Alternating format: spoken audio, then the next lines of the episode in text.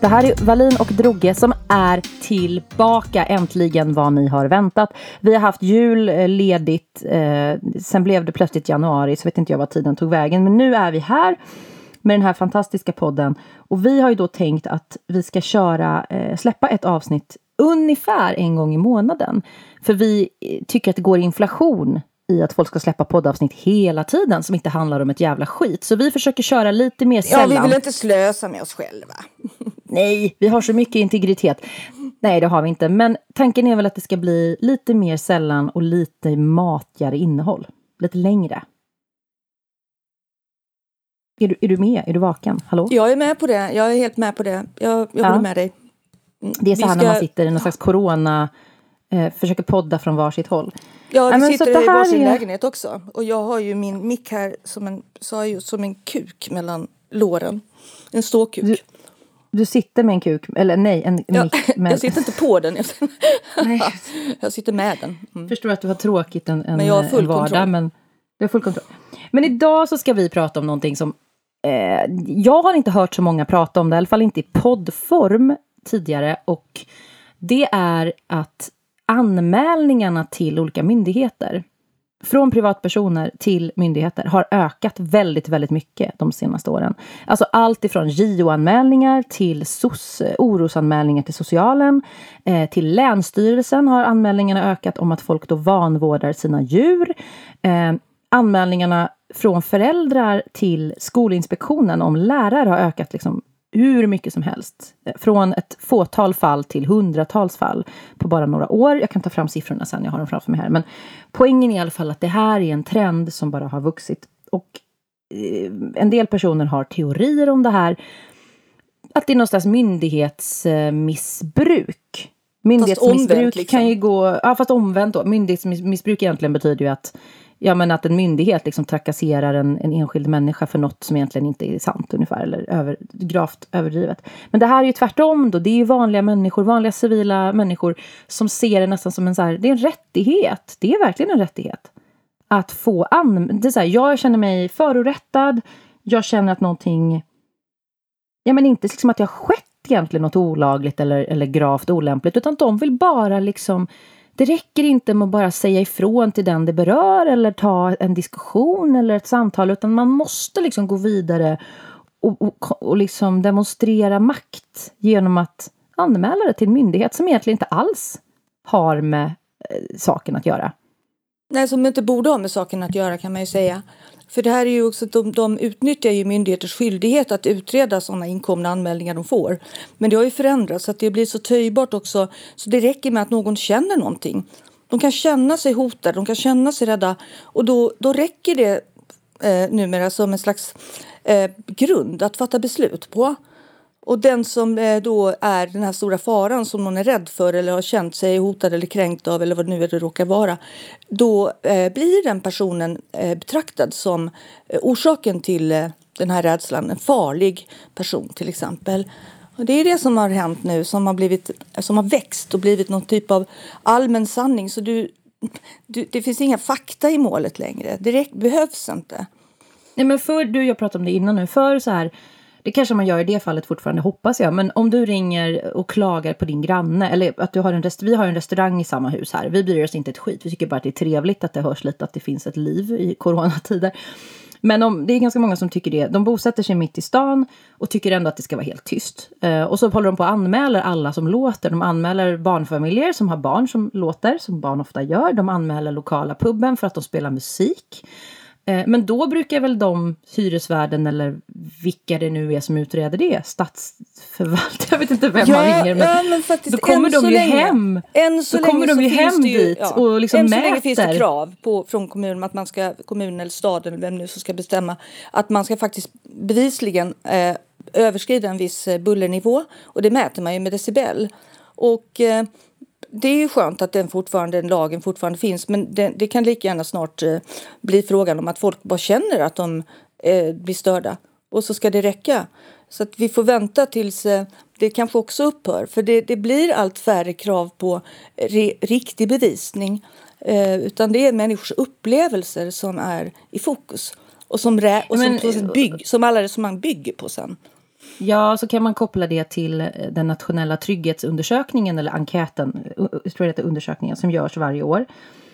Eh, där då x tusen svenskar får svara på eh, några frågor om hur trygga eller otrygga de känner sig. Och där har man ju märkt senaste åren att den här upplevda känslan av otrygghet inte att man faktiskt har råkat ut för att man har blivit rånad eller hotad eller någonting, utan liksom bara känslan av att jag känner mig mer otrygg i samhället, i min närmiljö, när jag går ut.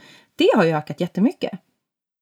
Ja, Men... och den känslan stämmer. Vi har, jag vet inte, vi har ju blivit utsatta för dessa känslor.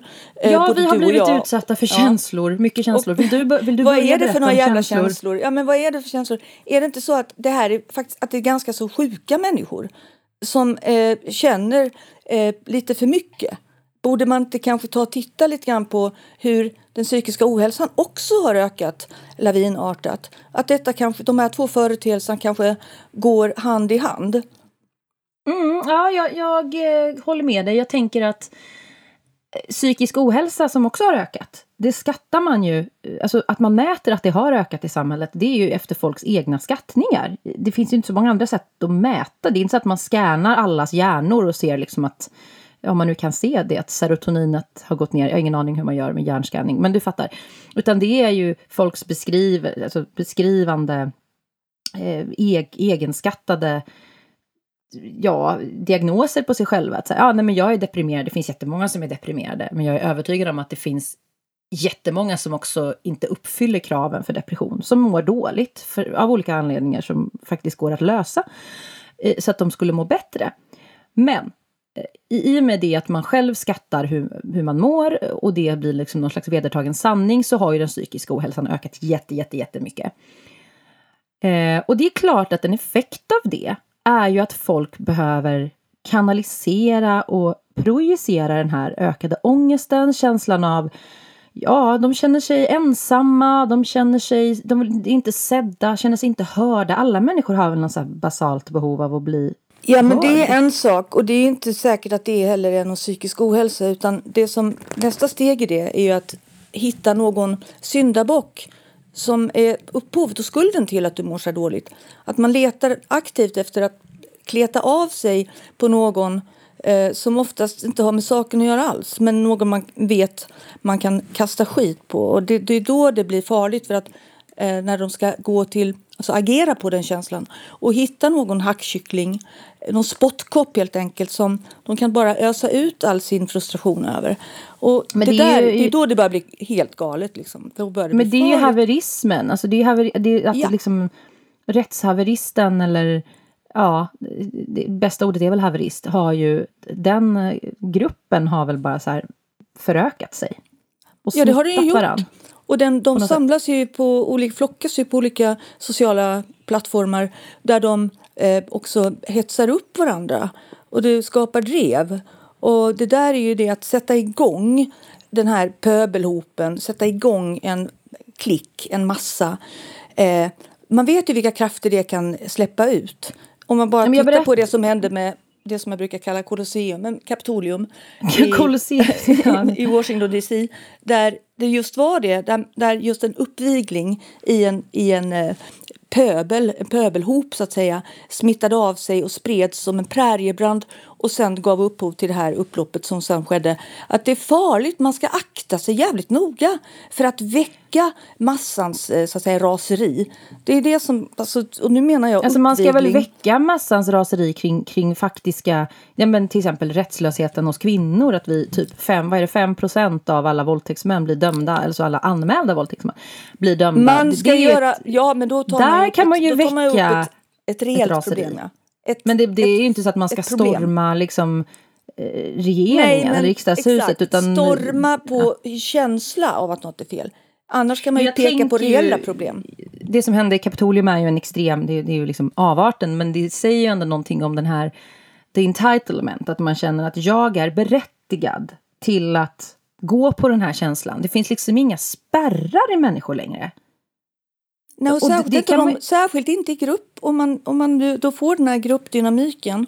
Man ska akta sig för det. Jag menar bara att man tänder en gnista där i en grupp. Och jag menar inte när det gäller verkliga problem och oförrätter och sånt som pågår i samhället som är strukturella problem. Jag menar just att man riktar det mot en eh, man har det som en personkult. Så att det här handlar om Donald Trump till exempel. Han, det är synd om honom, han har rätt. Han blev bestulen på valet och det är en känsla.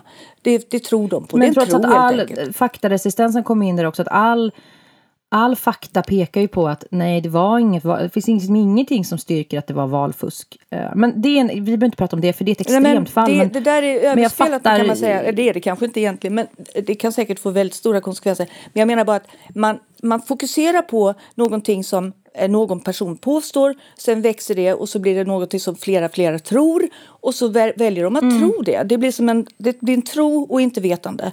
Så att man men tror en, en och sen övergång... så tror folk att det är sant. Ja. Nej men en övergång från det då, från galningarna som stormade Kapitolium, miss, missnöjes... Eh, ja, många hade säkert någon slags psykisk ohälsa som de lät gå bananas. Eh, övergången är till den här Facebookgruppen som jag pratat om tidigare poddavsnitt för något år sedan eller kanske två år sedan nu. Eh, en vanlig sån här finns ju för varenda ort i hela Sverige nu. Vi som bor i Hörby, eller det händer i i, Uppsala eller liksom i sitt lokala bostadsområde så är det några tusen medlemmar som bor där som då tanken är väl god att liksom man ska ge varandra tips om lokala företeelser, man kan hjälpas åt i coronatider, så här, jag kan gå ut med din hund, jättebra. Men det har ju skett en ökning av de här grupperna och Svenska Dagbladet skrev ett reportage om det för några månader sedan nu om en sån grupp i Skåne någonstans, jag kommer inte ihåg vilken stad det var. Där då det började, det låter som en så dålig filmplott. Någon hade sett en vit skåpbil. Någon så upprörd människa skrev i den här gruppen så på kvällen. Så jag såg en vit skåpbil eh, stanna till precis utanför om det var en förskola eller mm, skola. Eh, och drog liksom då slutsatsen att det här var ju då en, en pedofil som var ute efter att kidnappa barn. Och det var liksom ingen som ställde några kritiska frågor utan det bara blev en sån enorm snöbollseffekt. Och någon hade tagit regnumret på den här skåpbilen och så var det någonting att den inte var registrerad på... Eller just det, precis. Den var registrerad på en man. Så var det. Och de hängde ut honom då. Och de hängde ut honom i stort sett som pedofil. Baserat på typ ingenting. Baserat ja, på att den här vita vi har, skåpbilen vi har faktiskt, hade... Eh, vi har faktiskt tagit upp det, den Jo, men jag måste bara, om man inte har hört.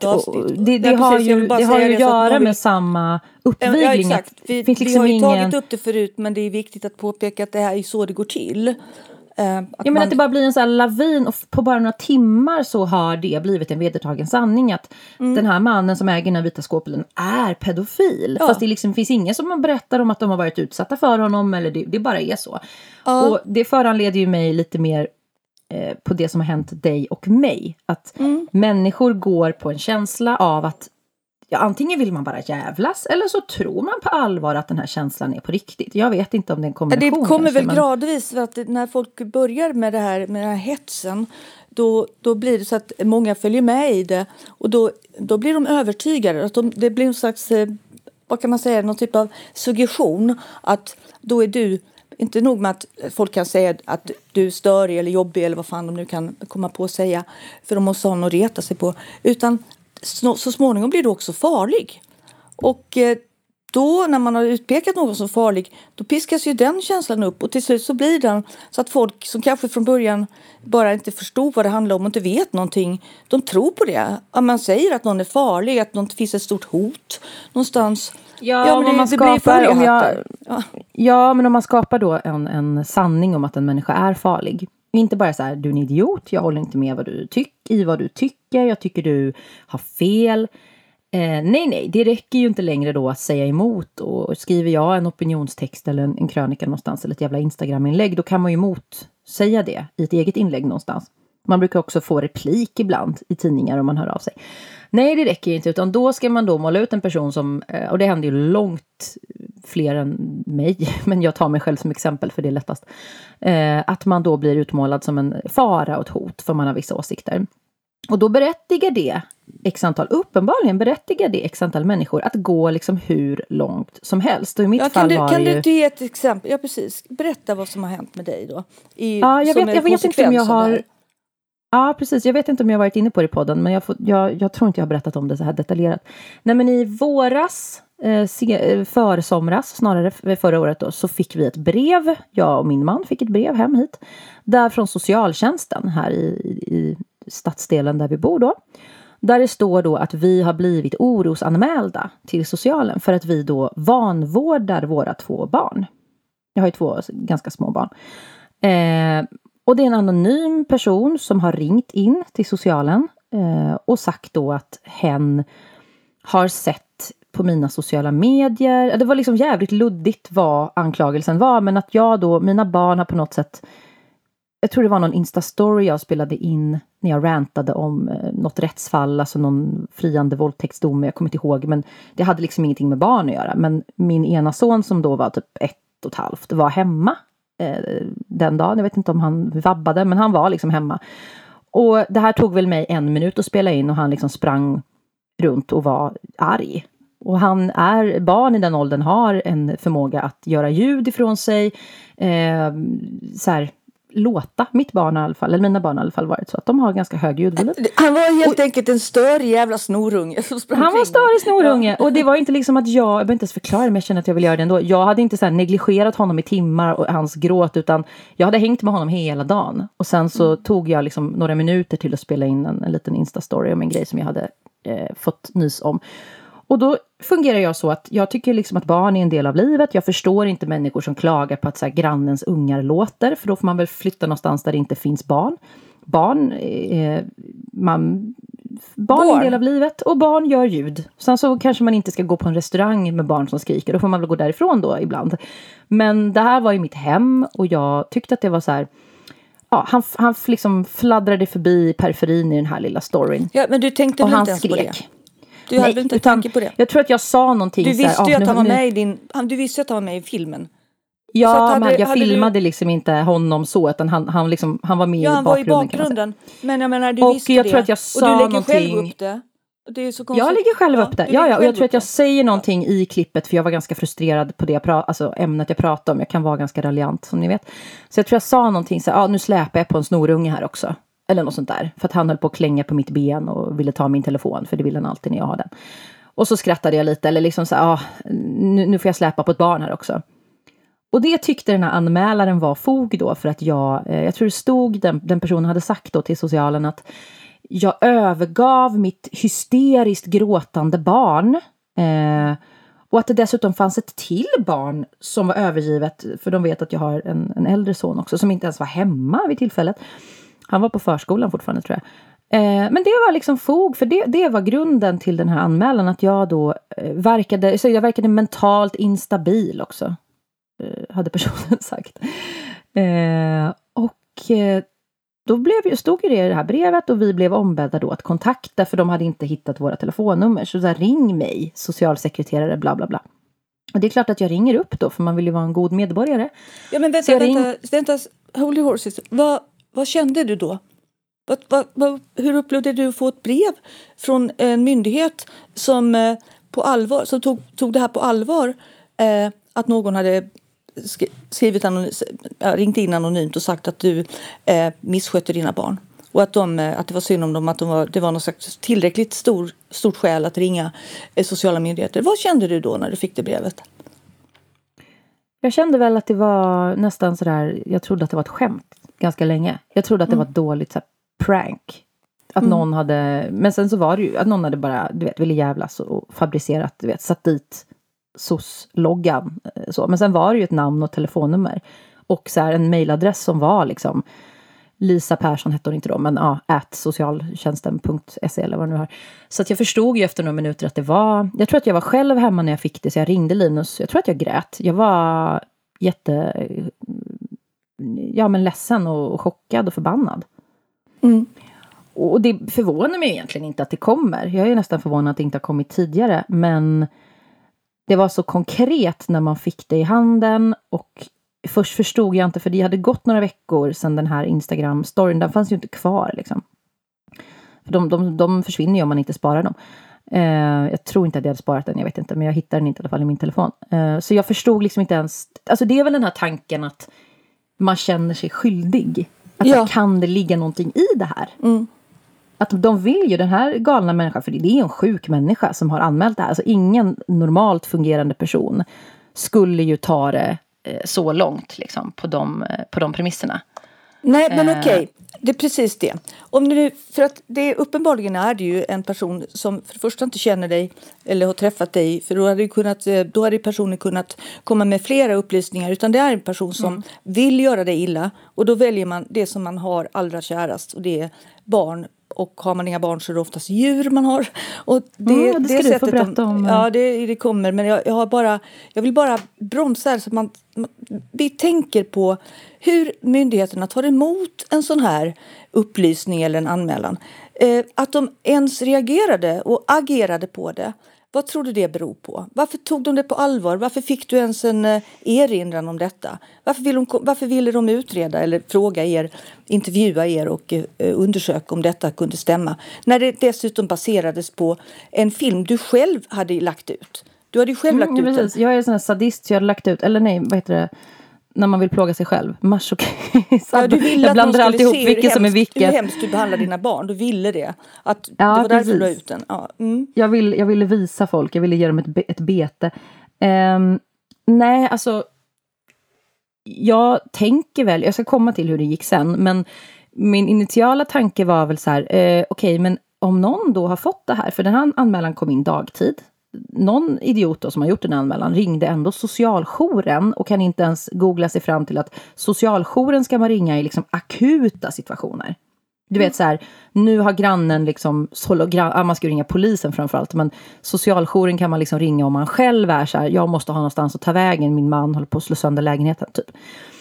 Eh, och socialtjänsten och, och socialjouren och polisen jobbar ju tätt ihop. Så att det här var någon som ändå tyckte att det här var akut, hade ringt socialjouren. Och om det nu var akut, då hade ju socialjouren kunnat gå in på min Instagram och titta på det här klippet själva, den som då tog emot anmälan. Det har tagit den personen ungefär en minut och direkt konstaterat att det här är ingenting. Det här är trams, det här, det här stämmer inte. Mm. Och bara skrivit av det. Men det har man ju uppenbarligen inte haft resurs eller kunskap eller tid att göra, utan de har bara skickat det här vidare till Ja, de bedömde väl att det inte var akut då, utan att ha sett klippet. För det vet jag att de inte har, för det har de erkänt att de inte har. Eh, utan de skickar vidare det till den lokala, eh, ja, en annan enhet då där jag bor. Och sen så får det någon, någon stackars handläggare där. Och det, de gör ju bara sitt jobb. Men det, det ja, är men ju vänta så... nu här, gör de sitt jobb? För det är det jag tycker man ska ställa högre krav på våra myndigheter. Det är de som ska stå för så att säga, förnuftet, för sakligheten och för att det ska finnas tillräckliga skäl och fakta i målet. Jag tycker att myndigheter har ett ansvar att kunna filtrera rena tokigheter och man kan faktiskt avgöra lite grann på hur människor beter sig. Att bara ringa socialjouren och hänvisa till ett klipp du själv har lagt upp.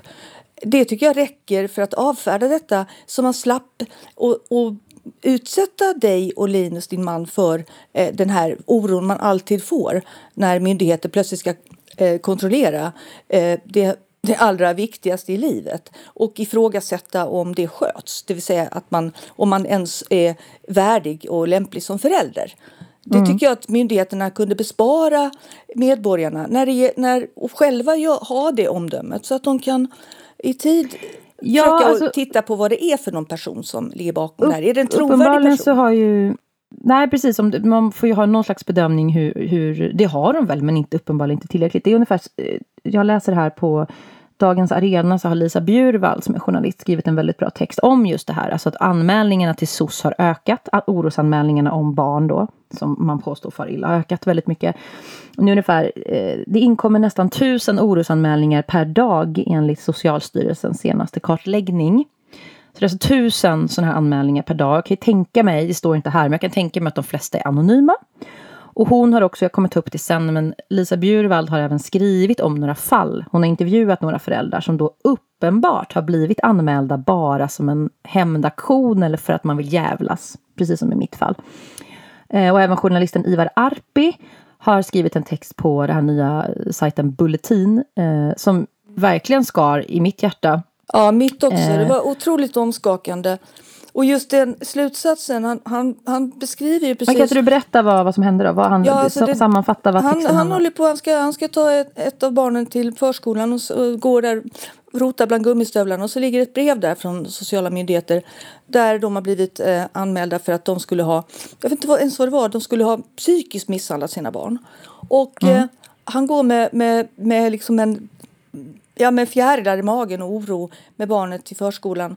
Och eh, rannsaka sig själv. Börja tänka, är det så? Gör, tänk om vi gör det? När folk beter sig nämligen som agerar som om man vore eh, mer eller mindre kriminell eller misstänkt för någonting väldigt allvarligt, då börjar man ju till slut också se sig själv som om man kanske möjligtvis är en sån person. Och den, det är just den känslan som för alltid har planterat sig hos Ivar Arpi och hans fru. Att de kommer alltid att vara oroliga för att de ska göra någonting som andra uppfattar som eh, olämpligt eller, eller våldsamt eller ja, skadligt mm. för deras barn. Så det kommer aldrig att försvinna. Så man har satt ett märke. Man har på något sätt för evigt satt en stämpel i deras självbild som föräldrar. Jag tycker att det där är så, det är nästan det allra värsta. Han skriver ju själv att han kommer aldrig att, äh, det var en katt, han kommer aldrig att helt och hållet... helt och, Freestyle här. Han kommer aldrig helt och hållet, äh, Ivar Arpi skriver att han kommer aldrig helt och hållet att släppa oron äh, för vad andra ska säga och påstå. För att många tänker då ingen rök utan eld. Och det är, så, det är så det blir och de konsekvenserna de är så svåra och det finns ingen chans att få... Vem ska man vända sig till då? Vilken instans tar hand om den här, de konsekvenserna och det lidande som man tillfogar människor som är oskyldiga genom att just hetsa upp sig, piska upp någonting, ringa, mm. anmäla anonymt och så förfölja. Det är ren förföljelse. Och de behöver inte stå till svars. Och det finns ingenstans de kan få hjälp. Ska man gå till Ja, en del får ju psykisk ohälsa av det. Men ska man, vem ja, ska man liksom enorm... gå till? Nej, men han beskriver, Ivar Arpi beskriver ju, eh, jag ska läsa det, jag ska bara säga först, i vårt fall så gick det inte så här långt, utan jag, jag ringde den här kvinnan på socialtjänsten som var trevlig såklart. Jag var ganska upprörd, eh, men jag sa så här, jag förstår att du gör ditt jobb, men det här är eh, det finns ingen grund. skickar ni ut brev till alla som bara får en sån här galenskaps... Liksom, ja, men jag, jag, frågade henne så här, på, vad baserar ni det här på? Tyckte ni att det var lämpligt eller tillräckligt för att skicka ut det här brevet? Ja, men vi, vi måste ju ta alla anmälningar på allvar. Och så hade vi en diskussion om det. Där jag till slut, eh, ja men jag frågade henne rakt ut så här, ja, men tycker du att det här systemet med de anony, att man kan anmäla anonymt, är, hjälper det dig? Jag var lugn och så här, var, vi landade ett bra samtal liksom. Jag tycker, hjälper det dig i ditt arbete? Tycker du att man så att säga detekterar barn som far illa på det sättet. Och till slut sa hon nej, jag tycker inte att det är så bra personligen, sa Men nu är det så. Det systemet ser ut så. Okej. Okay. Så att hon pratade med mig, Linus var med på högtalare kanske en 20 minuter, en halvtimme. Eh, och så sa hon så här, ja, jag Uh, det var ju kränkande liksom. Det var ju så här, ja hur sköter ni era barns hygien? Det var frågor om eh, om vi hade, men det var verkligen detaljerat sådär. Mm. Har ni, är, det, är det våld och bråk hemma? Hon hade väl en lista med frågor. Och det är så, här, så bisarrt. Så här, varför ska jag svara på det här? Finns det någon? Mm. Och jag sa så har ni sett det här klippet? Nej, ingen som har sett det. Nej men det, det finns ju ingenting i klippet som någon påstår. Det är en ettåring eller ett och ett halvt-åring som, som gråter, som är lite kränkt. Som mm. gnäll, så att säga, skriker. Mm. Är det onormalt att som förälder är det, ja, är, det ens, är, det ens, är det ens dåligt att barn får få skrika ibland? Nej men också så här, vad, hur har föräldraskapet hamnat om man förväntar sig att barn som skriker ständigt ska bli så här Åh gubben vad är det, vad är det som har hänt? Alltså, jag tror det inte finns en enda förälder som inte har ignorerat sina barns skrik då och då. Om de inte har gjort sig illa eller att det är någonting som har hänt utan de skriker för att de skriker. Det är liksom mm. det barn, vissa barn det är vad gör. De gör ja. Ska man hela tiden släppa allt man har för händerna och bara Vad är det som har hänt? Till slut lär man sig så här. Han skriker typ för att jag tog på honom strumpor. Då skriker han en halvtimme för att det var jättekul. Ja, och vad får barnen för signaler av det då? Är det att de får inte skrika, de ska få en napp i munnen eller något godis eller de ska genast, de får aldrig skrika. Vad ger det Nej. barnen för signaler? Alltså det är det sättet att uttrycka sig på. Ja, men det är ungefär som man har en hund som skäller. Nu jämför jag barn och hundar. Men ja, nej, men man kan ju såklart att man kan Nej, hålla, man säga hålla käften till Varför skäller du? Ja. Varför är, vad är det för Ja, då ska de genast få som de vill. Eller vad... Jag förstår inte riktigt ja, sådana hundar finns det ju. Det är de som är så feta. Ja, de äckligaste och, hundarna. Är liksom helt ouppfostrade. I alla fall. Så det slutade med att hon sa att ja, men det här kommer antagligen inte bli någonting. Men jag kan inte lova, jag måste dra det med min chef. Och det var fortfarande en oro som var så här, nu ska de ändå ut. Hon spelade väl in, eller jag vet inte, transkriberade det här samtalet sen liksom. Och så skulle de ha något slags möte om oss och ta beslut om så här, verkar det här vara en familj som vi behöver åka hem till? För det är ju nästa steg då att SOS kommer hem till en och, och tittar och pratar med barnen och om man kan, barnen är så pass stora och så. Men det var ju det som hände Ivar Arpi. Mm. Att eh, där tog de ett steg längre och kom hem till honom och hans fru och deras då tre, nu har de fyra barn tror jag, men deras tre barn. Och intervjuade ett eller flera barnen med någon jävla, så här, han skriver så här. Det här tycker jag är helt fruktansvärt. Eh, två, ve eh, två veckor efter att brevet legat där bland barnens gummistövlar på hallmattan kom två personer från socialtjänsten hem till oss. De var vänliga, yngre än vi, hade förmodligen inga egna barn. De förhörde sig om vår familjesituation, om hur vi hanterar känslor av ilska och frustration. Sen var det barnens tur att intervjuas. Då skulle vi gå ur rummet, lämna oh. dem ensamma med två fullständiga, främ fullständiga främlingar. Hur förbereder man sina barn på att förhöras av en myndighet? Det är ungefär som BVC. De hälsar på hemma hos barn för att se att de har det bra, sa de då till honom. Där inne fick de titta på bilder med nallar som uttryckte olika känslor och bestämma sig, för vilka av de nallarna som liknade mamma och pappa. Är mamma en arg nalle? Är, pappas, eh, eh, är pappa en ledsen nalle? Är nallarna glada? Plötsligt kunde äldsta dot Plötsligt kom äldsta dottern ut i köket och viskade till mig att hon vill ta fram kladdkaka. Ja, det slutade ju bra då för de bjöd dem på fika liksom. Men så jävla kränkande. Så det är ett så myndighetsövergrepp när det är baserat på ingenting. En anonym människa som har, som har skickat in så här de här barnen far illa, oklart. Ja, men Psykisk misshandel, oklart. Jag tycker man tänker så sällan på det. För de, alla säger att vi måste värna om, alla skyller på barn så fort de vill göra någon annan människa illa eller säga åt någon människa. Så, tänk på barnen, tänk på barnen får man höra jämt fast det inte finns några barn i närheten ens. Men när det gäller det här, att ta in barn som är jättesmå i förskoleåldern i, ett, i köket och stänga dörren och helt vilt främmande personer börjar prata med dem helt konstiga saker, med arga och glada nallar. Hur påverkar det barn? Vad, vad får barnen för känslor av det? Barnen är ju inte, de är ju, har ju väldigt stark eh, intuition över vad som är fel och vad som är rätt. Det är, jag kan ju tänka mig att det är en väldigt obehaglig situation för barn. Och då utsätter man även barnen för detta. På grundval av en sån, såna lösa påståenden, helt vaga beskyllningar. Eh, och det här gick ju vidare. Så det, de säger att det är fyra av tio sådana här orosanmälningar som leder till att man också gör en utredning. Och det gjorde de ju i Ivar Arpis och hans frus fall. Eh, men det påverkar ju hela familjen, det påverkar ju barnen. Det är en väldigt obehaglig situation överhuvudtaget som jag tycker är egentligen ganska så... Det är alltså på alla sätt klandervärt att utsätta barn för. Ja, jag, tänk, jag läser också här vidare i journalistens eh, Lisa Bjurvalds text från Dagens Arena eh, för ett tag sedan. Här, jag kan kolla exakt när det var, ett år sedan tror jag. Eh, först så pratar hon med någon utredare på Socialstyrelsen, Eva Kågström, som säger så här. Vi känner till vi känner till att det finns situationer då anmälningar sker utan grund. Och så berättar då Lisa Bjurvald om eh, två fall. En mamma kritiserar sitt, eh, sitt barns fritidsverksamhet och får en anonym orosanmälan på sig som hämnd och man kan ju gå in och läsa mer eh, ordagrant om det här, men det var liksom uppenbart att det var en hämnd, eh, att det kom från fritidspedagogen eller de som jobbar där. En kvinna, Karin, visselblåste mot sexism på, ett rättsvårdande, på en rättsvårdande myndighet. Cheferna svarade med en orosanmälan om hennes tonåriga barn. Det finns ju många sådana här exempel som helst. Här, här är ett exempel till. Ett par föräldrar som krävde extra hjälp i skolan till sitt barn som hade autismspektrumtillstånd blev orosanmälda av rektorn. Det handlade enligt mamman inte om omtanke om deras son utan om att jävlas eftersom de ansågs jobbiga som då höll på att kräva att det här barnet skulle få hjälp.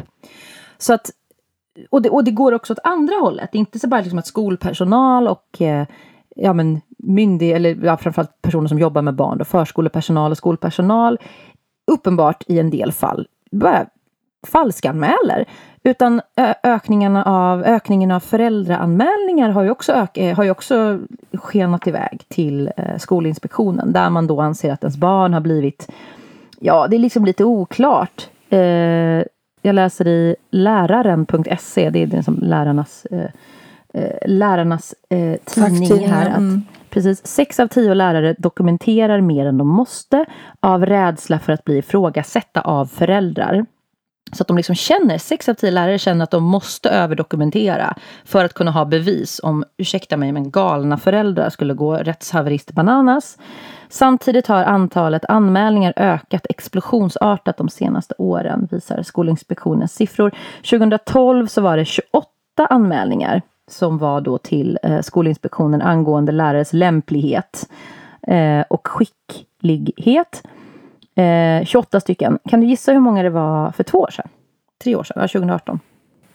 Nej, nej det, det, jag kan, det har säkert ökat jättemycket väl?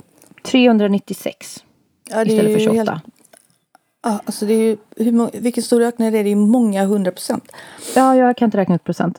Men det handlar ju alltså då, det finns ju garanterat fall där lärare är sjukt olämpliga och borde bli av med sin lärarlegitimation eller få sparken och sådär. Men jag har ju väldigt svårt att tänka mig att den här jättestora procentuella ökningen handlar om att det plötsligt bara har liksom ploppat upp en helt ny population av olämpliga lärare. Det, det är föräldrar som känner sig förorättade för att lärarna bara överhuvudtaget tillrättavisar barnen. Jag är övertygad om att det ligger bakom. Övertygad. Ja, men det får man inte göra. Man får inte tillrättavisa barn. Men det, det, det är lite grann... Det, det är ett annat stort ämne. Gränser, för man, får, man får inte sätta Nej. gränser för barn. Men att man då använder sig av... Man, man, alltså, grejen är att man kan ju prata om saker, man kan ju tala om och folk kan till och med få lov att avreagera sig ibland tycker jag eh, när de är sura. Men liksom att gå vidare till en myndighet att använda den taktiken och då utnyttjar myndigheter, alltså på ett miss, det är ett missbruk, alltså man missbrukar. Vem, då måste man ju återigen eh, ta och titta på vem kan, vem kan ingripa, alltså vem kan helt enkelt eh, ta reson och hejda den här utvecklingen? I vems, eh, vems ansvar är det egentligen? Jag vill lägga en hel del av ansvaret. Människor är galna, det vet vi ju. Och att de blir galna och galna. Men när de får rätt, när de märker att det går hem. Och har du en gång fått en sån här anmälan på dig som är oriktig och som är felgrundad och som egentligen inte går att eh, föra i bevis så är du extra känslig för att det vet ju folk. Då kan de utnyttja det genom att lägga ytterligare en anmälan på dig. Och det är det ja, som är ingen rök utan eld. Så är Nej, och så kommer Men du, kan inte du berätta vad som hände dig? Början. Kan alltså, inte du berätta vad som hände dig? Ja, mitt, stora, mitt, mitt, mitt, mitt värsta brott, mitt grövsta brott är att jag har, jag har två stora hundar. Och det ska man ju tydligen inte ha. I synnerhet om man är eh, så pass känd att folk eh, vet att, vad jag heter och därför kan både skvallra om mig och eh, ange mitt namn och ropa mitt namn och, och försöka uppvigla för andra människor att eh, skrika ut mitt namn så det ekar och eh, jag har ju då blivit utmålad som en fruktansvärd person som släpper mina hundar vind för våg och bara roat sig på mig som skrämmer vettet ur barn och vad de nu gör. Alltså det är sådana påståenden som, inte, som det inte finns någon saklig grund för överhuvudtaget. Men eh, det har ju förföljt mig liksom. Det kantar min, min livsvandring. Eh, saken är ju att det var ett tillfälle i slutet av maj då jag sitter med mina barnbarn på en bänk utanför Palles, han heter Palle, utanför hans förskola. Det är lugnt och fridfullt, det är vackert väder, många är ute och rör sig. Precis coronaepidemin, corona, det var ju redan då en pandemi. Så det är mycket mm. folk i rörelse och jag har ju som vanligt hundarna kopplade då. Så det finns ju inget tvivel om den saken. Jag, tar inte, jag har ju inte lösa hundar med mig, de är bundna när jag hämtar barnen på förskolan och så säger jag ta med dem ut där och vi sätter oss på bänken som vi gjort massa gånger förut. Sitter där i soligt väder och ska planera vad vi ska göra med eftermiddagen för jag brukar hämta dem varje måndag. Och eh, då kommer det alltså gående, så dyker upp bakom ett buskage där sikten är skymd en man med en sån här kamphund. Och han kommer i full fart, han går väldigt fort och han eh, har uppe i sina tankar antar jag. För jag försöker signalera åt honom att det kanske inte är så bra. För Hade han hundar... en lös hund då eller en kopplad Nej den är inte lös men den, häng, den går, när alla hundar är kopplade, mina hundar kopplade den, så den hunden är också kopplad men den går i, i väldigt lös koppel framför honom. Och en kamphund mm. Som en kamphund och en vakthund, för mina hundar är vakthundar. En kamphund med sina instinkter och en vakthund med sina gener eh, som vaktar barn. Det är ingen bra kombination. Det är inget bra möte och det var trångt där. Det hade gått att Men han skulle gå prompt gå precis där då? Han skulle gå där och jag försökte ruska på huvudet och varna honom. Eh, men det var ju så, jag hade bara några sekunder på mig. Jag sitter still, jag, ingen, jag kan inte göra någonting, jag kan inte röra mig. Han är den enda som är i rörelse. Men han väjer inte och bromsar inte och backar inte, vilket jag hade gjort och jag tror de flesta hade gjort. För man fattar att den här, för den hunden han hade, den, den reste ju ragg och visade tänderna. Och det var ju så här, det var ju så att säga uppgjort att det skulle bli bråk. Och det fanns inget avstånd heller. Så då ryker de här två hundarna ihop och det blir cirkus och blir tumult. Och mina barnbarn ja, en av dina hundar och hans hund ryker ihop? Ja, en av, han, en av mina hundar jag sitter närmast och hans hund. Eh, och hundslagsmål är ingen trevlig, alltså det är ingen, det är ingen vacker syn kan jag säga. Men bägge hundarna slåss och jag, jag gör ju allt som står i makt för att eh, få det att hela och, och upphöra. Men eh, till slut så, så eh, gör jag det man ska. Jag sticker in min hand och kommer åt, kommer åt eh, hans, den andra hundens eh, käkar och får ena fingret avklippt. Uh, och vilket finger? Det var, det var vänster ring. pekfinger. Och jag har, pekfinger var just Ja, och jag, mina barn sitter och, och gallskriker där på bänken. Och ingen är, det finns ingen där mer än vi, så att de som eh, så att säga, är i närheten de har ju klungat ihop sig som en åskådarmassa. Eh, det var väl roligt för dem, för de har ju redan bekantat sig med ryktesspridningen om hur farliga mina hundar är. Så att det var ingen som hade blotta tanken på att jag kunde bli skadad och att min hund faktiskt blev eh, svårt skadad. För det var resultatet. Jag, fick, jag var ju tvungen att söka vård. Vi fick åka ambulans till SÖS-akuten.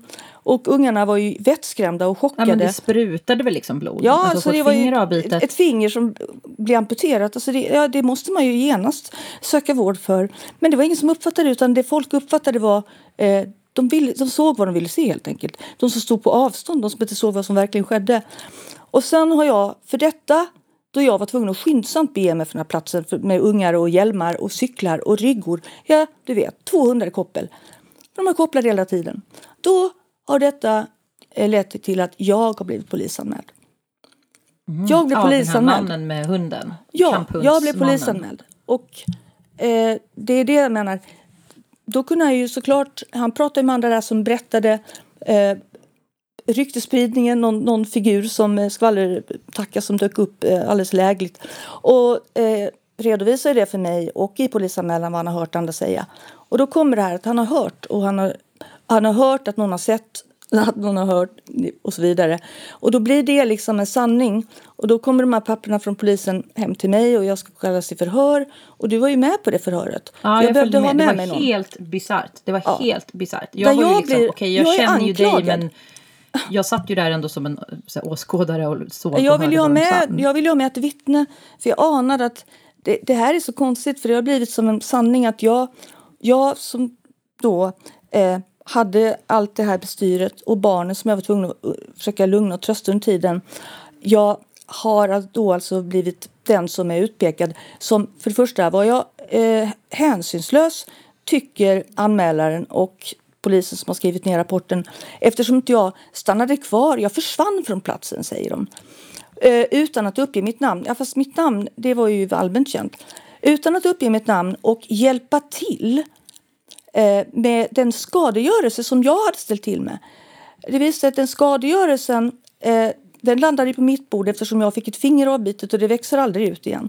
Jag fick bli sjukskriven, jag kunde inte jobba, jag kunde inte använda, jag fick äta morfintabletter för det gör jävligt ont. Och eh, min ena hund var nära att dö av skadorna som den fått av den andra hunden. Den andra hunden hade fått en ganska lindrig skada med en ganska låg eh, alltså, det hände ingenting med att, att Men han, han åkte betala. inte ens till veterinären? Gjorde han jo, han åkte till veterinären men det var, en ganska, det var en väldigt blygsam veterinärkostnad medan min veterinärkostnad var mångdubbelt högre eh, eftersom min hund fick eh, eh opereras under narkos.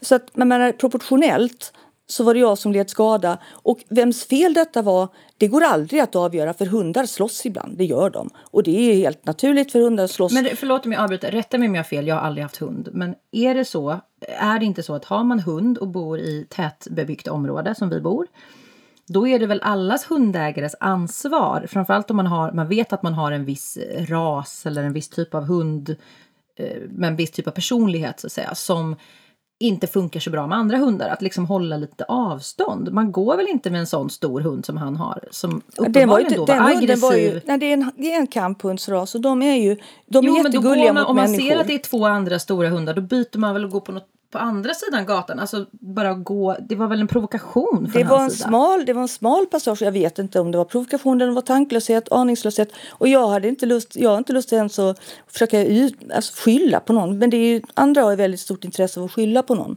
Och då skulle jag men okej, men så som... det som hände då var att den här mannen kunde, och, och vissa åskådare då som då, eh, eller framförallt den här mannen, han kunde inte bara finna sig i, han blev en haverist helt enkelt. Han kunde inte finna sig i att Fan vad tråkigt, det blev ett hundslagsmål. Det var ju absolut mest synd om dig. Han kunde ju ha kontaktat dig och kollat hur mår du, hur är det? Så kunde ni ha liksom pratat om det och så var det ur världen sen. Ja, det, det är så, det är så man kan lösa ett problem. Man kan ju civilt diskutera igenom det hela. Och jag hade inga, jag, jag var inte ett dugg fientlig. Jag hade inga som helst planer på att försöka liksom hitta vem som var skyldig till detta. Men eh, det, tyvärr så går det tydligen inte att lösa konflikter på vanligt sätt idag genom att man pratar igenom saken och beklagar det hela. För det var ju verkligen som en olycka. Och jag vill inte ens skylla på honom. Jag, jag skulle ju aldrig någonsin gått med en, en hund som är hanhundsaggressiv, vilket alla jag har i alla fall inte mött någon, det kommer säkert någon att protestera mot. Jag tycker de här hundarna som är klassas som kamphundar är jättegulliga. Jag tycker de är jättefina mot människor och barn och så. Det är inte, de är inte farliga för några människor. Men de är farliga för andra hundar för att de har det i sig. De är kamphundar. Jag skulle inte gått in med en sån hund i trång passage där det sitter två vakthundar på varsin sida om en bänk där jag sitter med mina barnbarn eh, på varsin sida om mig. Jag skulle inte gjort det och jag försökte ju eh, varna honom. Så att om man nu ska skylla på någon så tycker jag väl att han var den enda som kunde ha gjort någonting. Han var den enda som hade agens. Men det spelar liksom ingen roll för har man nött in en sanning där någon ska utses som syndabock som dessutom är en känd person som tror sig vara märkvärdig enligt folk. Du vet, då är man ju för mer än andra. Och jag ska inte komma där och tro att jag är för mer än andra. Och nu känner den här personen sig dessutom hotad av mig. Fast jag ja, aldrig... just det, han sa det i anmälan att han, han tyckte det var otryggt. Eller vad var han känner sig väldigt hotad. Det sa han på två ställen. Han känner, han känner sig väldigt hotad av mig nu. Jag förstår inte riktigt varför. För att jag har aldrig, jag har aldrig haft med honom att göra mer än när vi pratar telefon. För jag fick Men alltså ursäkta mig, det är så här, en, du är liksom 63 år gammal, 1,55, hur fan låg du är kort. Du är liten och nätt han är en stor biffig snubbe med Nej, han är inte Vem är det som ska vara rädd? Han, är, han var väl så normalbyggd man. Ja, ja, men biffig, men han är man liksom. Normalbyggd man i sina bästa år. Liksom. Jag fick bara en fördomsfull bild framför mig att han var biffig. Ja, nej, men okay, det, visst, men alltså det, det, är klart att det, de, eh, jag menar sakförhållandena, om man bara skulle se till dem, då skulle det framstå mm. som ganska tydligt vad det här handlar om. Och då hade ju kanske eh, en vettig eh, tjänsteman tyckt att ah, fast det här är väl kanske ingenting vi kan lägga krut på. Eh, uppenbarligen så var det så att den andra personen som nu är polisanmäld blev skadad och att hennes hund också blev skadad, vilket allting går ju, jag har ju bevis på Jag måste bara peta in här ifall folk lyssnar på det här och, och gör sin research. Du har ju Polisen har ju haffat dig en gång tidigare för att du, du fick böter på, på felaktiga grunder enligt dig. Alltså de, jag... de stoppade dig. Så det var väl liksom det som låg till grunden för, det är det jag menar att om man blir anklagad för någonting någon gång så blir det liksom. Ja, då ligger det där och det står i skvallerpressen såklart. Det var ju en händelse som var så löjlig för det hade jag hundarna. Eh, man orkar inte gå in på sådana här enstaka detaljer men ja, det var det var så att jag hade hundarna i koppel men de hade snott in sig i sina koppel och jag släppte kopplen för att reda ut dem och de, de lekte för det var ju, den ena var ju bara valp då. Och så kommer en polispatrull och så stannar eh, två poliser och kliver ut och bestämmer sig för att mina hundar var okopplade och jag nekar till det och, och så var det så himla bök, då skulle jag ha rättegång och så. så då sa jag ju att ja, men då men är det de bättre. kroppsvisiterade väl dig? Ja, de muddrade här... mig. Ja, de gjorde sånt, det får man inte lov att göra. Men eh, så här, det, var, det var ju den sommaren då det var sån hets mot hundägare för att det var en pojke i Ljusnarsberg som var 15 år som blivit ihjälbiten av just en kamphund. Och då fick jag, det var så roligt för jag blev uppläxad för det av de här polisen. Så här, du vet väl, det var en 15-åring i Ljusnarsberg som blev eh, ihjälbiten. Ja, fast det kan inte riktigt jag stå till svars för. Men alltså det har ju spritt sig en väldigt negativ bild av eh, hundar överhuvudtaget. Och den sommaren men manifesterades den genom att väldigt många hundägare blev bötfällda. Och jag, eh, jag fick betala en ordningsbot på 1000 kronor och för att hellre det än att liksom stå i rätt rätten. Så använda resurser till sånt där. Men det är klart att det, sen ligger ju den anmälan, alltså ligger där boten. Det är bara en ordningsbot. Det är som parkeringsböter, men den ligger ju ändå där. Och liksom varje gång, folk vet ju det. Och så, då har de ju det som en slags, man säger, ett övertag. Precis som när någon har blivit eh, orosanmäld för eh, sociala myndigheter. Ligger det en orosanmälan där, då finns den ju kvar i arkivet. Mm. Och skulle Ingen komma, rök utan eld. Ja, och skulle komma någon ny då, då skulle ju den gamla det... rivas upp. Liksom. Så att det, det är så det blir. Ja. Det blir en ackumulerad effekt. Och det här är ju ganska så... För den enskilde som råkar ut för sånt här så är det ju nästan omöjligt att försvara sig. Eh, för att till och med myndigheterna har ju, eh, tror ju på... De, de vill ju tro det här att ja, men det var ju farligt och och det var ju tidigare, hennes hundar har ju också sprungit lösa en gång tidigare och ja, det är farligt. Så har man liksom det som en slags utgångspunkt att ja, men då är det så att mm. jag inte har eh, uppsikt över mina hundar fast vi satt helt stilla och fridfullt på en bänk. Ja, men det alltså, blir, jag har ju varit inne och läst trådar om dig på Flashback och sådär. Om, ja. om dig som hundägare. Ja då. Eh, det och, finns trådar överallt och där ja, alla... och jag, jag känner ju dig så himla väl. Jag har varit ute och gått med dig och dina hundar massa gånger. Mina barn har hängt med dina hundar. Jag är en ganska hundrädd person i grunden. Men jag skulle nog säga att dina hundar har botat min hundrädsla. För de är ju stora, svarta, ser läskiga ut för många, även för mig. Men det är ju fördomar. Alltså de enda hundar jag har blivit biten av i mitt liv, det är så här små äckliga taxar. Förlåt alla taxägare, men jag fattar inte varför man skaffar en sån här liten skällig, bjäbbig hund som det är de jag... Okej, okay, de kan inte bita ihjäl någon som en stor hund kan, men det är de enda hundarna jag liksom har upplevt som aggressiva på riktigt. Det är såna små, ettriga jävla så här, ja, men, väskhundar de borde folk vara rädda för på riktigt. Såna taxar. Det är väl tax som biter mest tror jag statistiskt. Ja, jag, jag tror det går det retriever faktiskt som biter mest. Men, men alltså jag tycker... Ja, jag men tycker... jag, det, jag läste någonstans. Skitsamma. Poängen är att så här. Jag är övertygad om att hade du varit man, hade du varit en tuff Ja men typ, jag tänker han Kalle Zackari, du vet han träningsprofilen som är så här folkkär och gullig på SVT. De har väl någon stor hund. Men ponera att han hade bott i stan och haft två hundar som dina, såna Corso. Alla hade bara åh vad fina och vad härligt. Det är liksom att du är kvinna. Du har ett visst typ av utseende. Du har en viss typ av, eh, ja du är väldigt profilerad feminist eh, som många tycker är liksom radikalt och, och, och, obehagligt. Och så har du de här två stora hundarna. Folk kan inte liksom hacka, de kan inte hacka i sig det. Det blir ett sånt här störningsmoment som att jag respekterar ju människor som är hundrädda. Nu har inte jag egna hundar, men när du och jag har promenerat med dina hundar, då säger ju en del människor så här. Ja, ah, nej men jag, är de liksom, om, om de kommer för nära så frågar människor så här, ah, snälla kan kan, de, kan du dra in kopplet lite för jag är rädd? Då ja, gör du visst. alltid det. Ja, men, men man kan ju kommunicera som människa. Man ja, kan ju prata ja. så här, du det är samma under pandemin. Det är så här, jag har sagt till folk tusen gånger och folk har sagt till mig också när jag varit tankespridd. Så här, du, kan du backa lite här? Kan vi hålla lite avstånd? Absolut! Alltså, ja, det, är, är inte så svårt. Och dessutom, mellanmänskliga jag måste, jag, jag kommunikationen typ ja, men, har failat. Folk kan inte prata till. med varandra. Nej, hon kan inte det. Och en sak till som jag faktiskt vill inskärpa här. Det är inte så, jag vill inte liksom framställa mig och mina hundar som, som vi skulle vara så här, typ perfekta maskiner. Det, det, det, mina hundar begår dumheter ibland, men det är ingenting som är skadligt eller farligt. Det, alla hundar gör det. Om jag ställer mig och tittar ut genom fönstret, då ser jag då kan jag se inom loppet av några timmar många hundar som eh, gör dumma utfall eller springer fram till någon eller skrämmer någon eller, eller brakar ihop. Eh, hundar, hundar kan vara dumma, det är djur. Eh, men det har aldrig varit någonting som har varit farligt. Eh, och det är ingenting att skriva hem om för det är sånt som händer varenda hundägare. Så det är inte så att mina hundar skulle bete sig som perfekta dygdemönster alla gånger. Men de gör ju inte någonting som är värre än vad Alltså för den genomsnittliga hunden gör det aldrig. Någonsin har de varit aggressiva eller fientliga mot människor. Eh, det har inte varit någonting. Så att jag, menar, jag har disciplinerat mina hundar extra mycket eftersom de är stora. Men jag menar, den, det finns ju inte heller någon, någon man har ju sänkt liksom tröskeln också för vad man tolererar av sina medmänniskor Men idag. Är, ja, är det inte så att det, det är ju den vanligaste...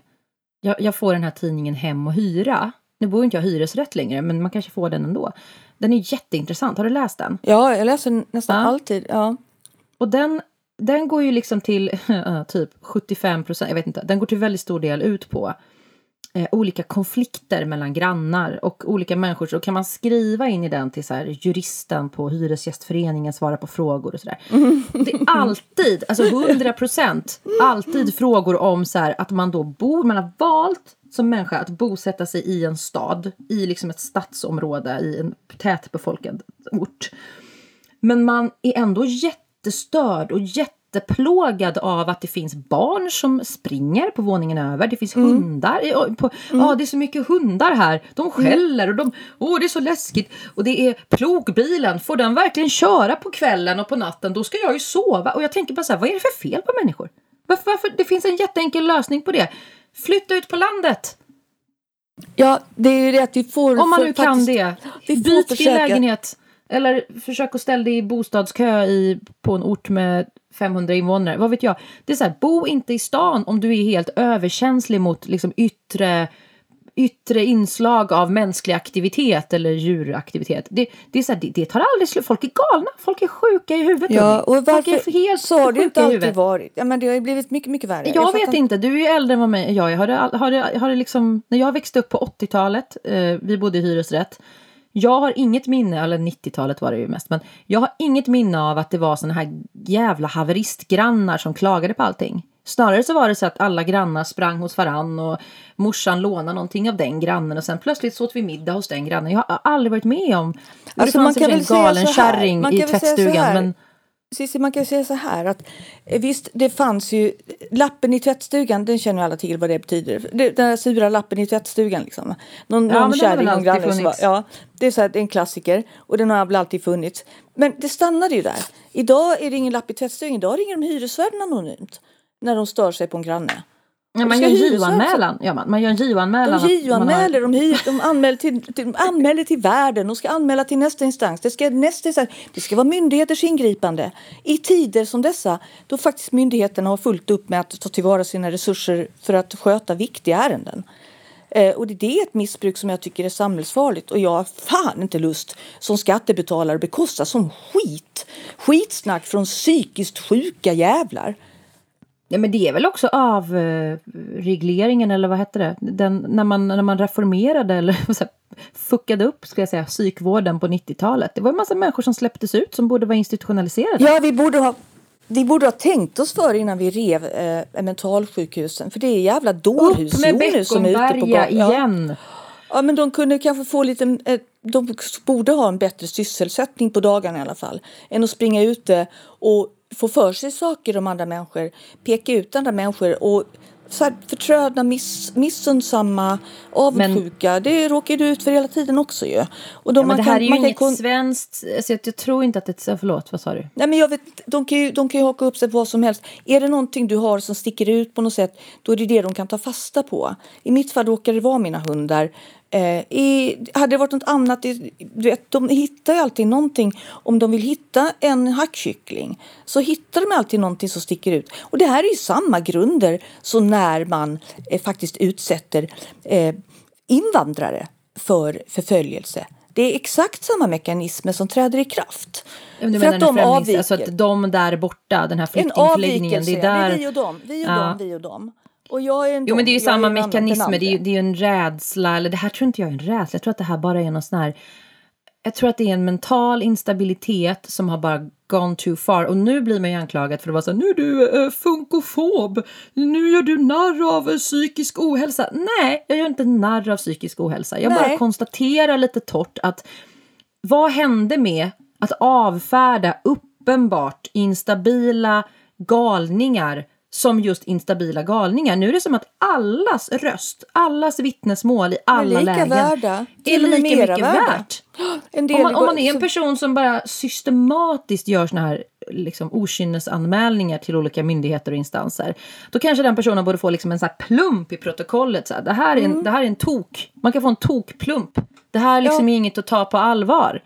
Och men människor kommer med ganska bisarra påståenden som då i ditt fall och som i, alltså i alla de fall som man kan tycka att eh, där folk är oskyldiga, att myndigheterna borde sortera bort det med en gång och se, inse att de här personerna de är inte trovärdiga. De är sjuka i fucking jävla huvudet. Sen behöver man inte uttrycka sig på det sättet, men man ser det. Och det har man alltid gjort förut. Jag tycker uppskattat att myndigheterna har använt det språket. Nej, men, men, men, i ditt fall med hund, men, i Hundmannen så är det ju polisen då kan man ju säga, eller Länsstyrelsen om de också blir inkopplade.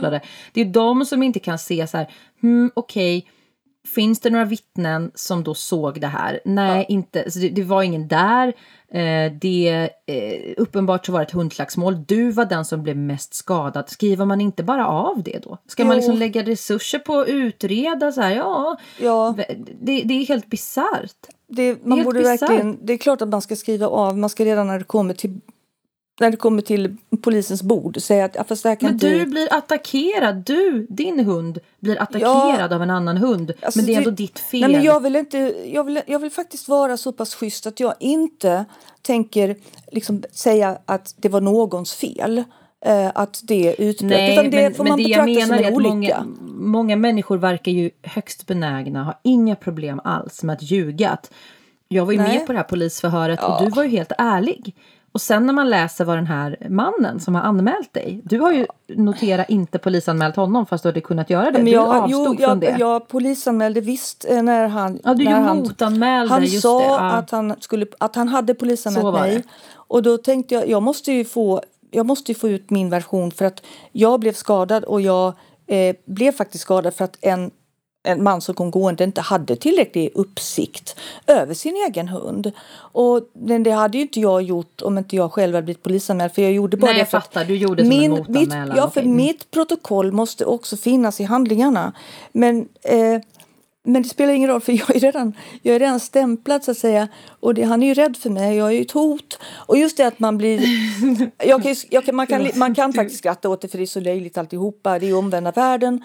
Eh, och allt det där. Jag skulle stannat och rätta upp situationen. Tyckte, ja, jag hade ett finger av klippt. Och just att mina barnbarn blev så chockade och traumatiserade, det var ingen som tog hänsyn till. Det var ingen jävel som såg till att trösta dem eller hjälpa dem. Nej, Utan folk det var filmade väl istället. Det är det ja, folk gör. Ja, det hade varit bra om de hade gjort det för då hade man ju sett sanningen. Men det var väl ingen, Nej, som, ingen, som, gjorde det. Nej, okay. ingen som hade den eh, närvaron. Utan de tyckte väl det var jättekul att se det hela live.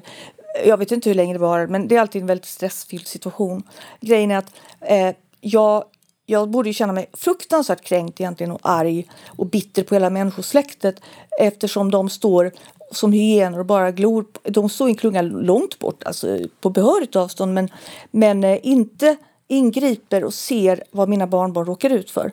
Eh, utan efteråt är det synd om den här mannen som de då går och tröstar. Eh, mannen, eh, den andra hundägaren. De går fram och tröstar honom och överöser honom med sympatier. Stackars honom. Eh, och det är ju lite bittert att det som är sant i det här fallet är ju någonting helt annat som inte folk vet om. För jag går inte ut och ylar om det från hustaken. Så att det grejen är att jag går inte ut på alla Facebook-trådar och brölar om, om eh, och pekar ut någon och så. För jag gör inte det. Mm. För jag vill inte det. För om man gör det, om man ska hålla på så. Ja, men vi, du och jag kan ju bestämma oss. Det kan vi ju. För att vi vill jävlas med någon som vi tycker är äcklig eller har fel åsikter eller ja, vi tycker är en ond människa som vi tycker är en ond människa. Det behöver inte vara en ond människa. Och då kan man ju mm. bestämma sig för att man samlar ihop ett litet gäng. Och så tar vi och, och så anmäler vi den personen till SOS eller vilken myndighet nu råkar gälla för någonting som vi har hittat på. Och så ska det alltid finnas någon liten kon av sanning som man kan liksom tycka att man kan inte anmäla någon som inte har barn för, för att de vanvårdar sina barn menar jag. Men det ska finnas något. Nej, då måste då, man... Men jag menar man kan ja. ju gå samman och göra sånt och upphet, alltså på något sätt komma överens om det. Och då kan man faktiskt göra en person så fruktansvärt illa. Och jag skulle aldrig vilja det. För civiliserade, normala, psykiskt hyfsat friska människor gör inte så. Mm. Nej, precis. Jag, jag försöker liksom hitta någon... Jag, jag, jag googlar som en galning här, jag borde gjort det innan, men just om det finns någon evidens kring ja, men den här ökade psykiska ohälsan som uppenbarligen finns då, eller den är självskattad i alla fall. I alla fall självupplevd. Så. Mm.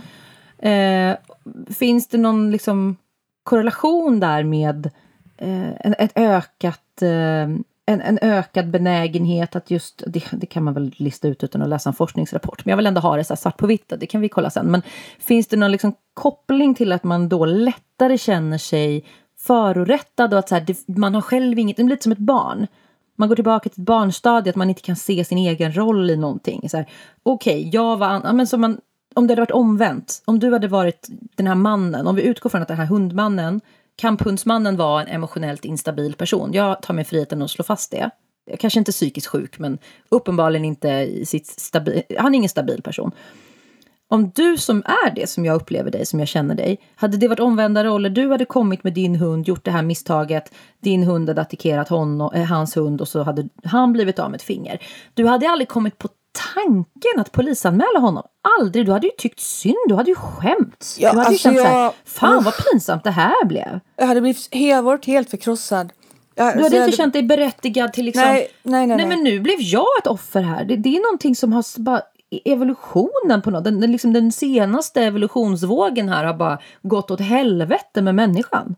Ja, det är någonting, det är någonting Vad är det riktigt... som har hänt? Nej, vad är det som har hänt? Jag undrar också David det. Eberhard som vi hade som gäst, eh, som ja. psykiater, han var ju inne på det.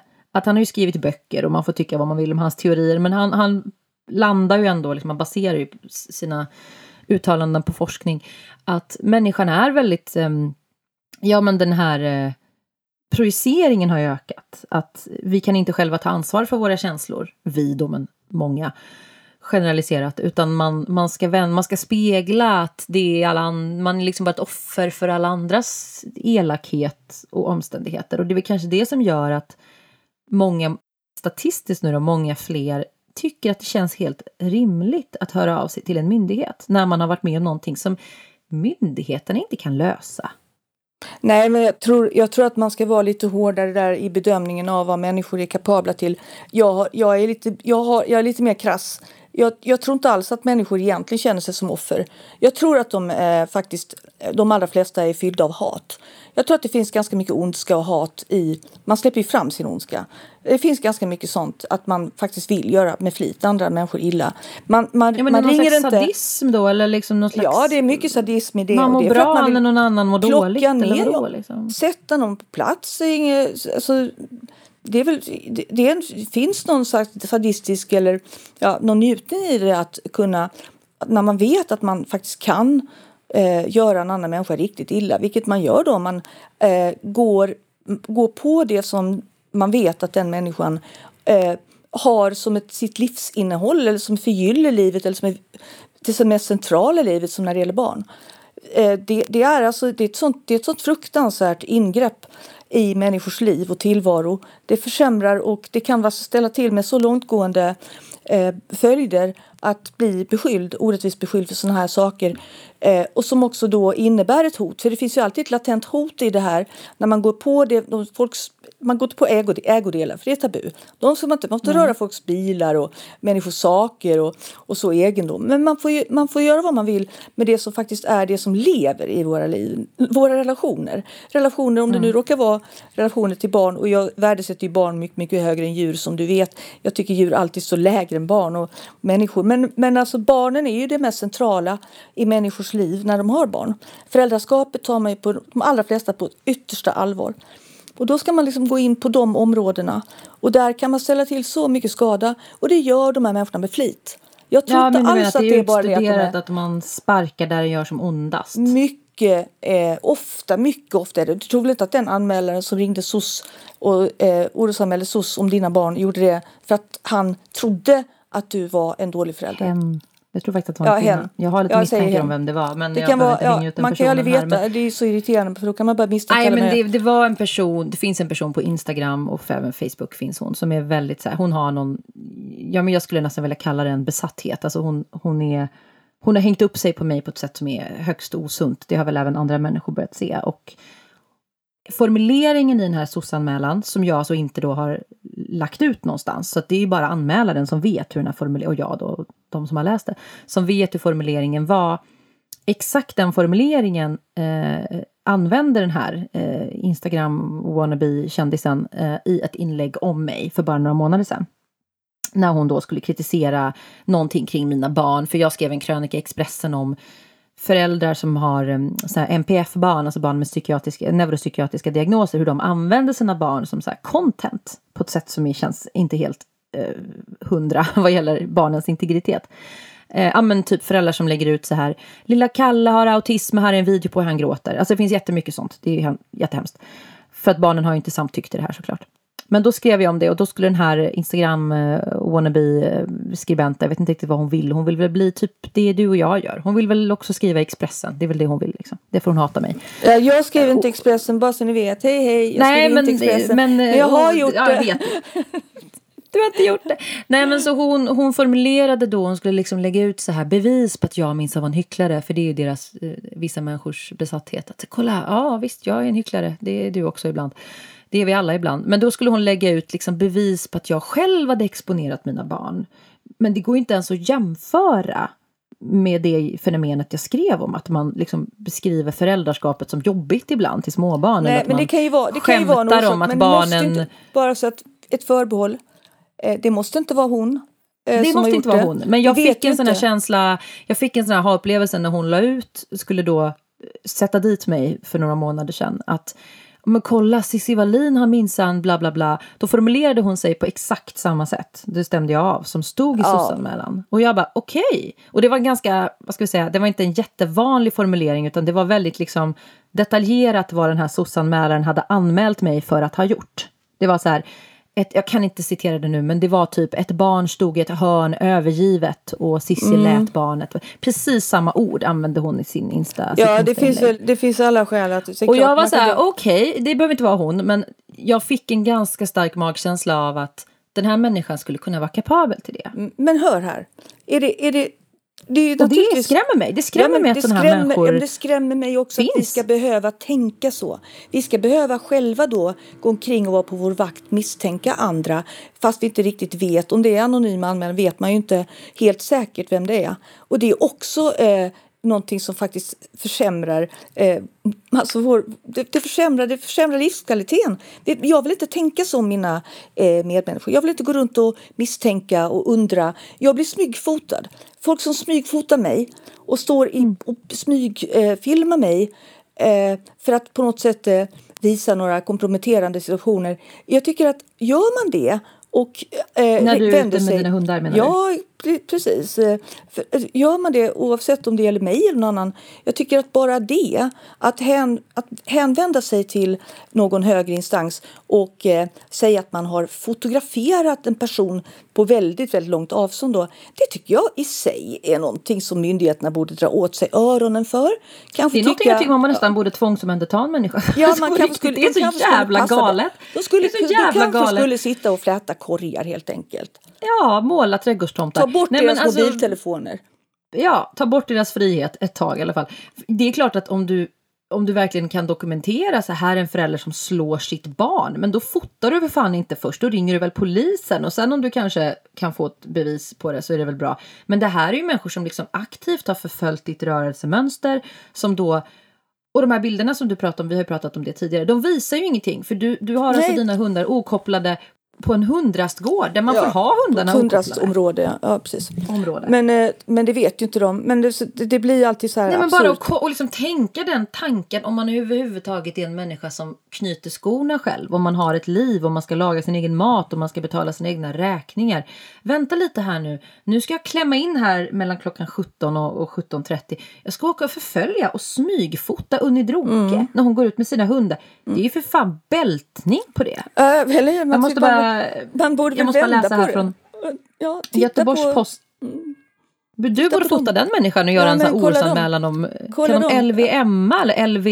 Ja, ja för övrigt, tvångsomhänderta den här personen. Och återigen, det här när det gäller orosanmälan av barn.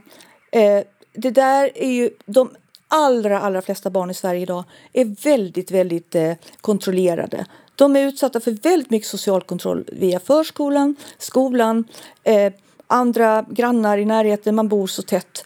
Det, det, det är liksom, det räcker. De är redan eh, övervakade socialt. Man behöver inte smyga på andra föräldrar och försöka liksom eh, ringa in myndigheter för att... Ja, men snart sossanmäler väl, det gör folk redan, folk för att de ger sina barn socker. Så här, ja, jag såg att nu har jag bevakat den här grannen eller den här, eh, här, familjen i parken i flera dagar. De har ätit glass varje dag. Ja. Det är farligt. Det snart kan ge hjärnskador. Snart sossanmäler man, sina, man föräldrar för att de inte ger barnen veganmat.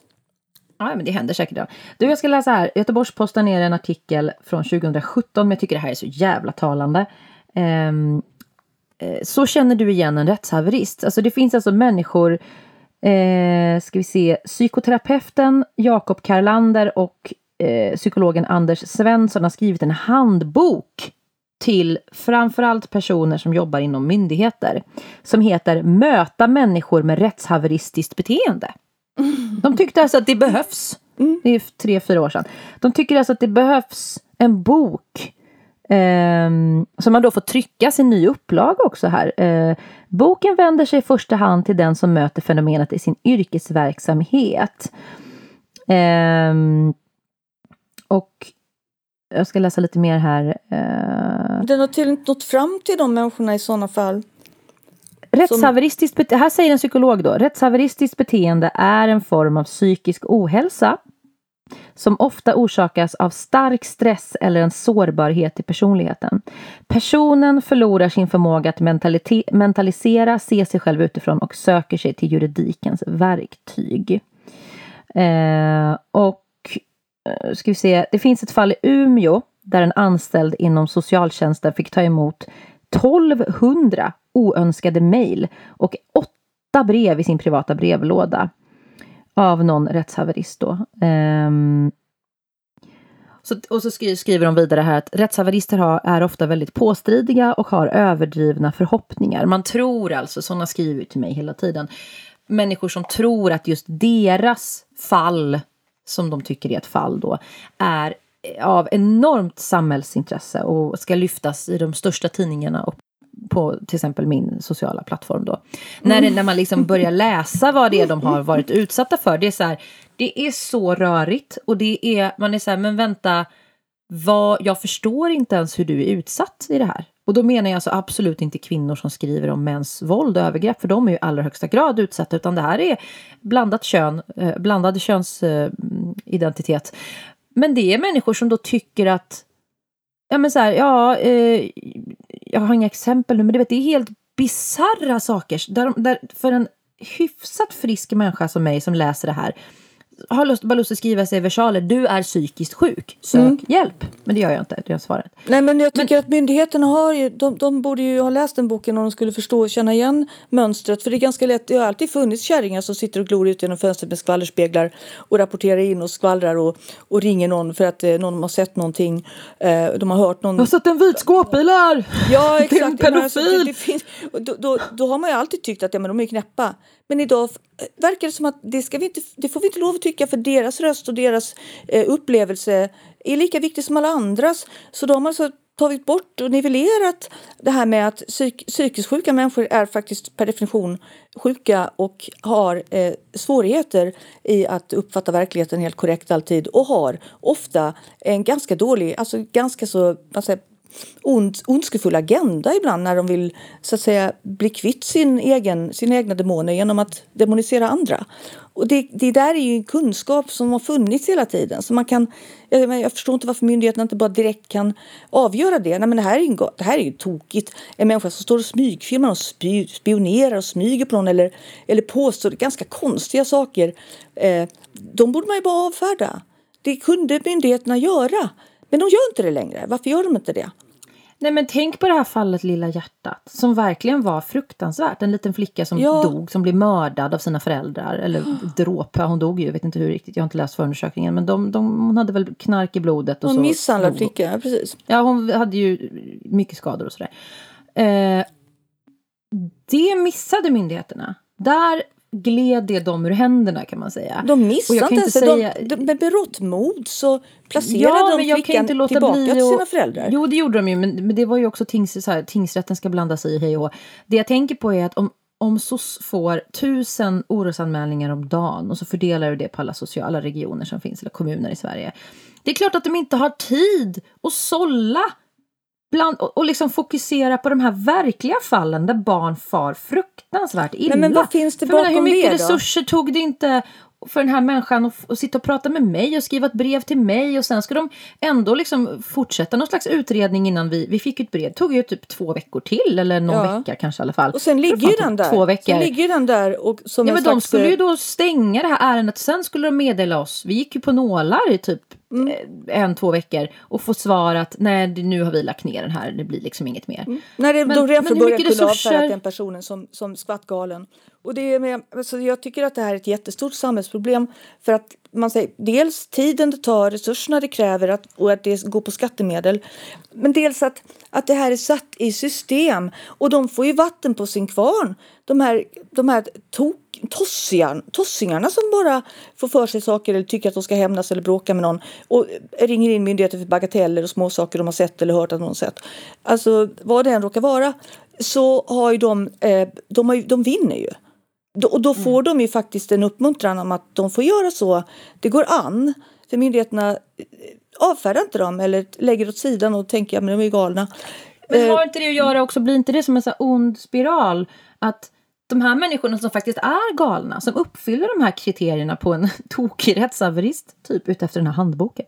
Eh, de får man inte skamma. Man får Nej. inte säga till en sjuk människa, du är sjuk, för då är det kränkt. Då kan de anmäla en igen till någon instans för, vad fan vet jag. De kan ringa till Socialstyrelsen eller de kan ringa till någon annan eh, myndighet och påstå liksom att jag har blivit diskriminerad. DO kan de kontakta. För att en SOS-person, en person som jobbar på socialtjänsten eller polisen eller någonting Eh, rakt upp och ner säger att du, du verkar inte vara psykiskt stabil. Du, du är liksom inte samman, du håller inte samman. De behöver inte säga det ens en gång, de kan bara lägga de handlingarna eller de Ja, det är klart, men, men de här människorna kommer ju uppfatta det som att så här, jag blev inte tagen på allvar, ja, jag har fem diagnoser men jag ska ändå ja, bli tagen på allvar. Det är så rättshaverister Ja, vi har så här svår borderline och eh, ser syner liksom och hör röster men jag ska ändå, min, jag ska ändå ha en agens som ett sanningsvittne det, det är bisarrt att den, jag kommer ihåg när jag började prata om psykisk ohälsa och ADHD för drygt tio år sedan, när jag fick min diagnos för ungefär tio år sedan. Alltså jag har ju bara ADHD, jag har ingen annan, jag har OCD också, men jag har liksom ingen grov psykiatrisk diagnos. Men jag tillhörde ändå en klick mer eller mindre offentliga personer som valde att berätta öppet om det, skriva om det, om hur det är och, och vilka stigman det finns och sådär. Och jag upplevde att vi gjorde någonting väldigt bra tillsammans. Att vi, för då var det extremt lite kunskap, det, det var väldigt mycket fördomar. Det finns det fortfarande, men sen har liksom pendeln verkligen svängt under senare år. Att nu presenterar sig människor i sina, alltså det första de skriver på, om det är såväl Tinder som Instagram som Snapchat har inte jag, men på sociala medier, deras diagnos är deras mm. identitet. Mm. Lisa, liksom 28, borderline, ADD, eh, komplex PTSD. Det är liksom så här, det är den, den människan jag är nu.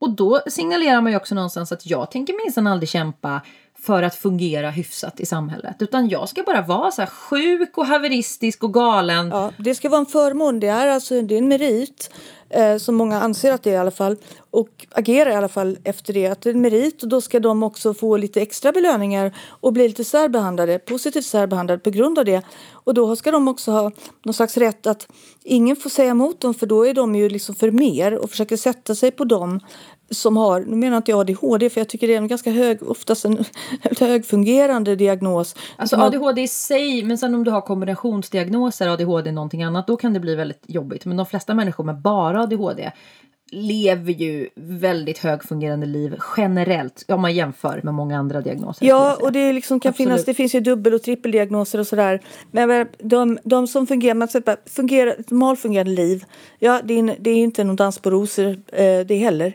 Men ett normalfungerande liv kanske innebär att man inte har Eh, man har inte så många konfliktytor. Man kan ha konfliktytor med sina närmaste, för det har väl alla. Släkten är värst. Men man behöver inte ha mm. konfliktytor precis överallt. Och de som faktiskt har en riktigt utvecklad psykisk ohälsa, de har ingen möjlighet att leva i fredlig samexistens med andra människor, i, på, inte på något område. Det är därför de inte kan jobba. De, för de kan inte vara i arbetslivet, för att de ställer bara till det.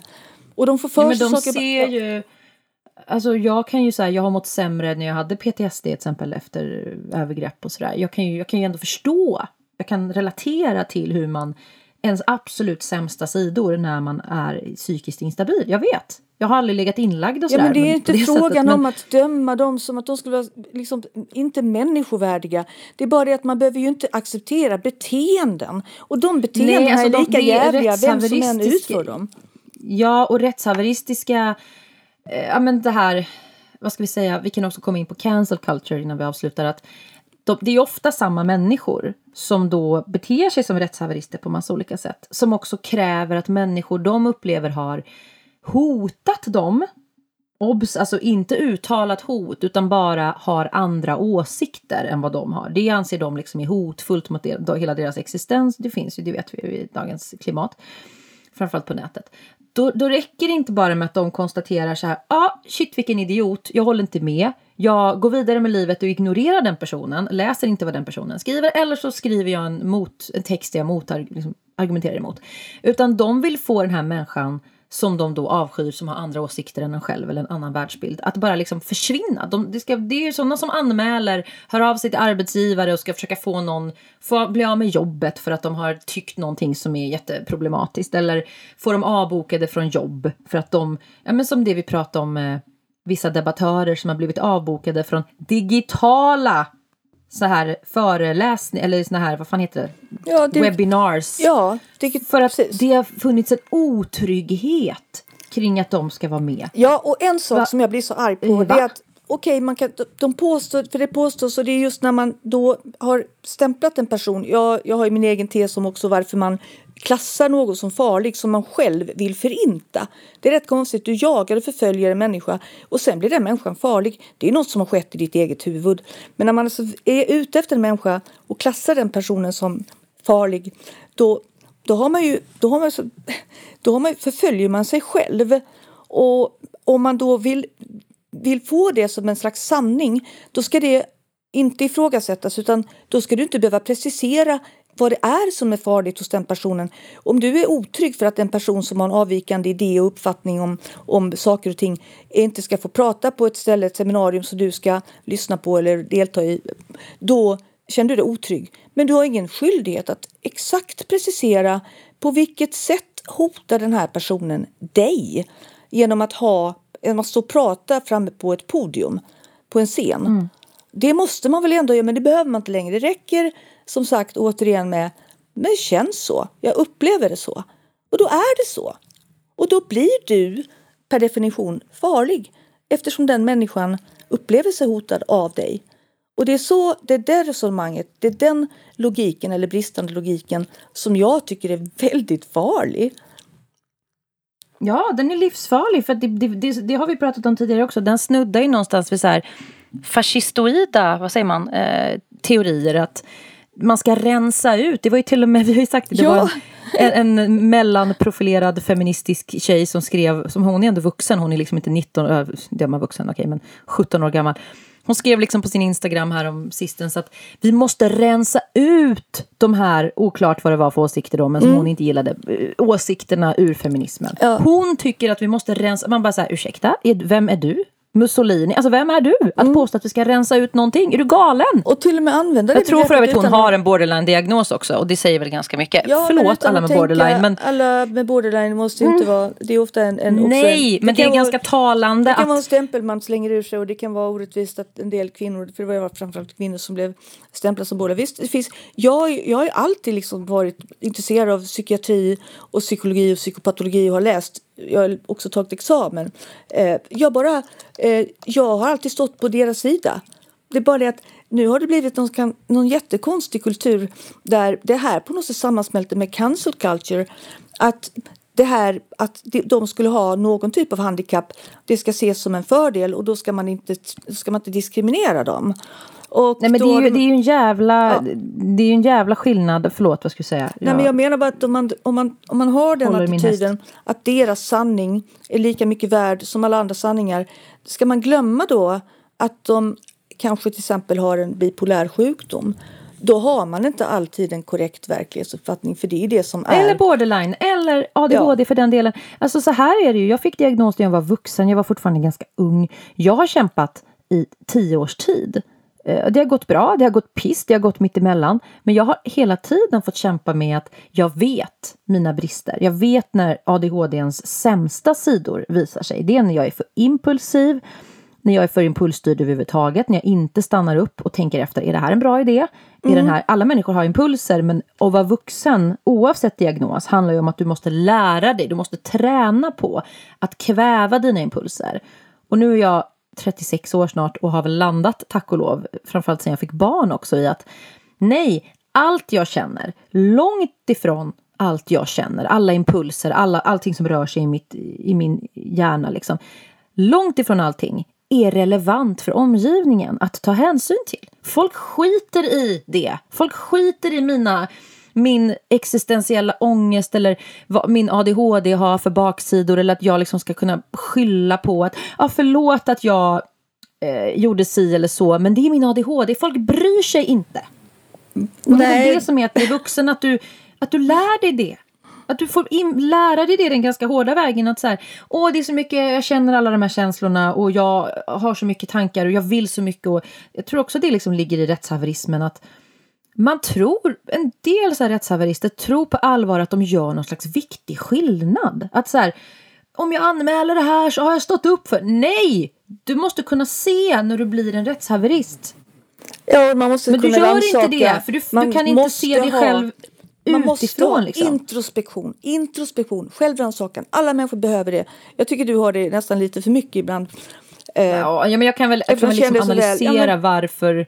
Nej, men du, ja, du tar jo. på dig väldigt mycket skuld för saker och ting som inte är ditt fel. Eh, och nu blir väl alla arga som tycker att allt är ditt fel. Men faktiskt, det, det, det är så jag har lärt känna ja, men dig. Jag är ju jättetacksam produktionsyta också. På ja, men du tar på dig. Ja, men man blir ju sån. Och det är det som återgår till fallet med Ivar Arpi. Att blir man beskylld för någonting eh, som är orättvist så kan man ändå inte låta bli. Om man är, om man är fullt fungerande, hyfsat eh, psykiskt frisk, då kan man inte låta bli att ställa det lite grann sin egen självbild i tvivelsmål. Att låta andras uppfattning prövas. För man måste pröva den. Kan det stämma? Har de, har de någon poäng i det? Finns det någon sanning i det här som de beskyller mig för? Och det gör alla sunt fungerande människor. Och det är bra att göra det. Men eh, de här människorna som faktiskt gör så mot andra, som beskyller andra för saker de inte har gjort sig skyldiga till, i alla fall inte som, i det, som inte alls har den allvar, det allvar som de påstår. De måste lära sig att göra en självrannsakan och titta inåt. Vad har jag för motiv? För om man får ett impulsgenombrott och säger att ja, ja, ADHD, så att det var ett impulsgenombrott och det får man ibland. Ja, men man får ändå själv ta ansvar. Du får ändå, du får ändå jävla sopa upp skärvorna efter dig. Och det är det som, ska man slippa det då? Det är inte alls, det är inte alls så som jag har uppfattat att man blir frisk på. Blir man alltså frisk eller om man kan hålla sin, sin störning eller vad fan nu är i schack. Man är ju den man är och det är väl ingen som är helt något jävla jag vet inte, vad är det för någon sorts människa som inte är belastad med, med ångest och svårigheter? Eh, alla har ju sitt. Men man, man lär sig helt enkelt att hantera det kontrollera och ta det på sitt eget ansvar och på sitt eget, på sitt eget skuldkonto om man beter sig illa och titta vad var det som hände? Varför gjorde jag det här? Vad vill jag egentligen? Vad tycker jag om den här människan? Varför ringer jag soc och anmäler Cissi Wallin? Varför gör jag det? Ja, men varför också så här, vad tänker man att det är ju, det är ju sadism, det är att man vill skada. Men det jag ska avsluta med är att jag har ju aldrig mått så dåligt som när jag har, mm, ja, självvalt kan man väl säga, omgivit mig omgett mig med personer som också, det blir liksom som en jävligt osund symbios, personer som också hittat sin identitet i att må dåligt. De har olika diagnoser, psykiatriska diagnoser, eller så har de inte ens det. De bara tror, ja, jag ska utreda men jag tror att jag har lite borderline eller jag har lite ADHD. Sådär.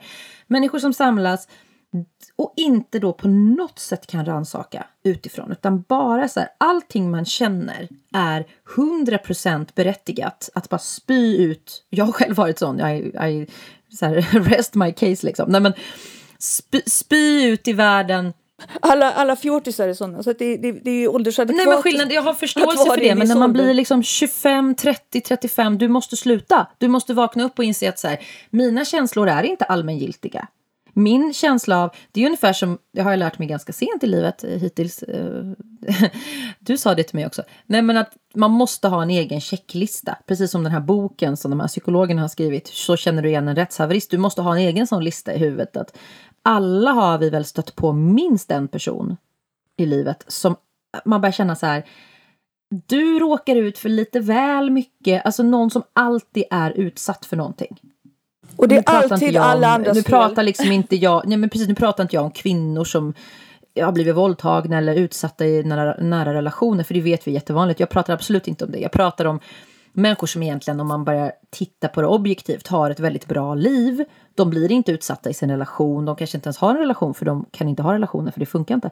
Utan de bara är offer som du sa, det är alla andras fel. Det är liksom alla är dumma, alla instanser de har haft att göra med är dumma, chefen är dum, eh, exet är dum, eh, lärarna är dumma, kollegorna är dumma, alla är dumma, allt är bara, jag är helt oskyldig. Det är inte så att jag är asjobbig och alla har tröttnat på mig, utan det är bara alla andra som måste liksom Ja, men det kan ju till och med vara så att alla är, det kan till och med vara så, låt oss säga det, alla är dumma.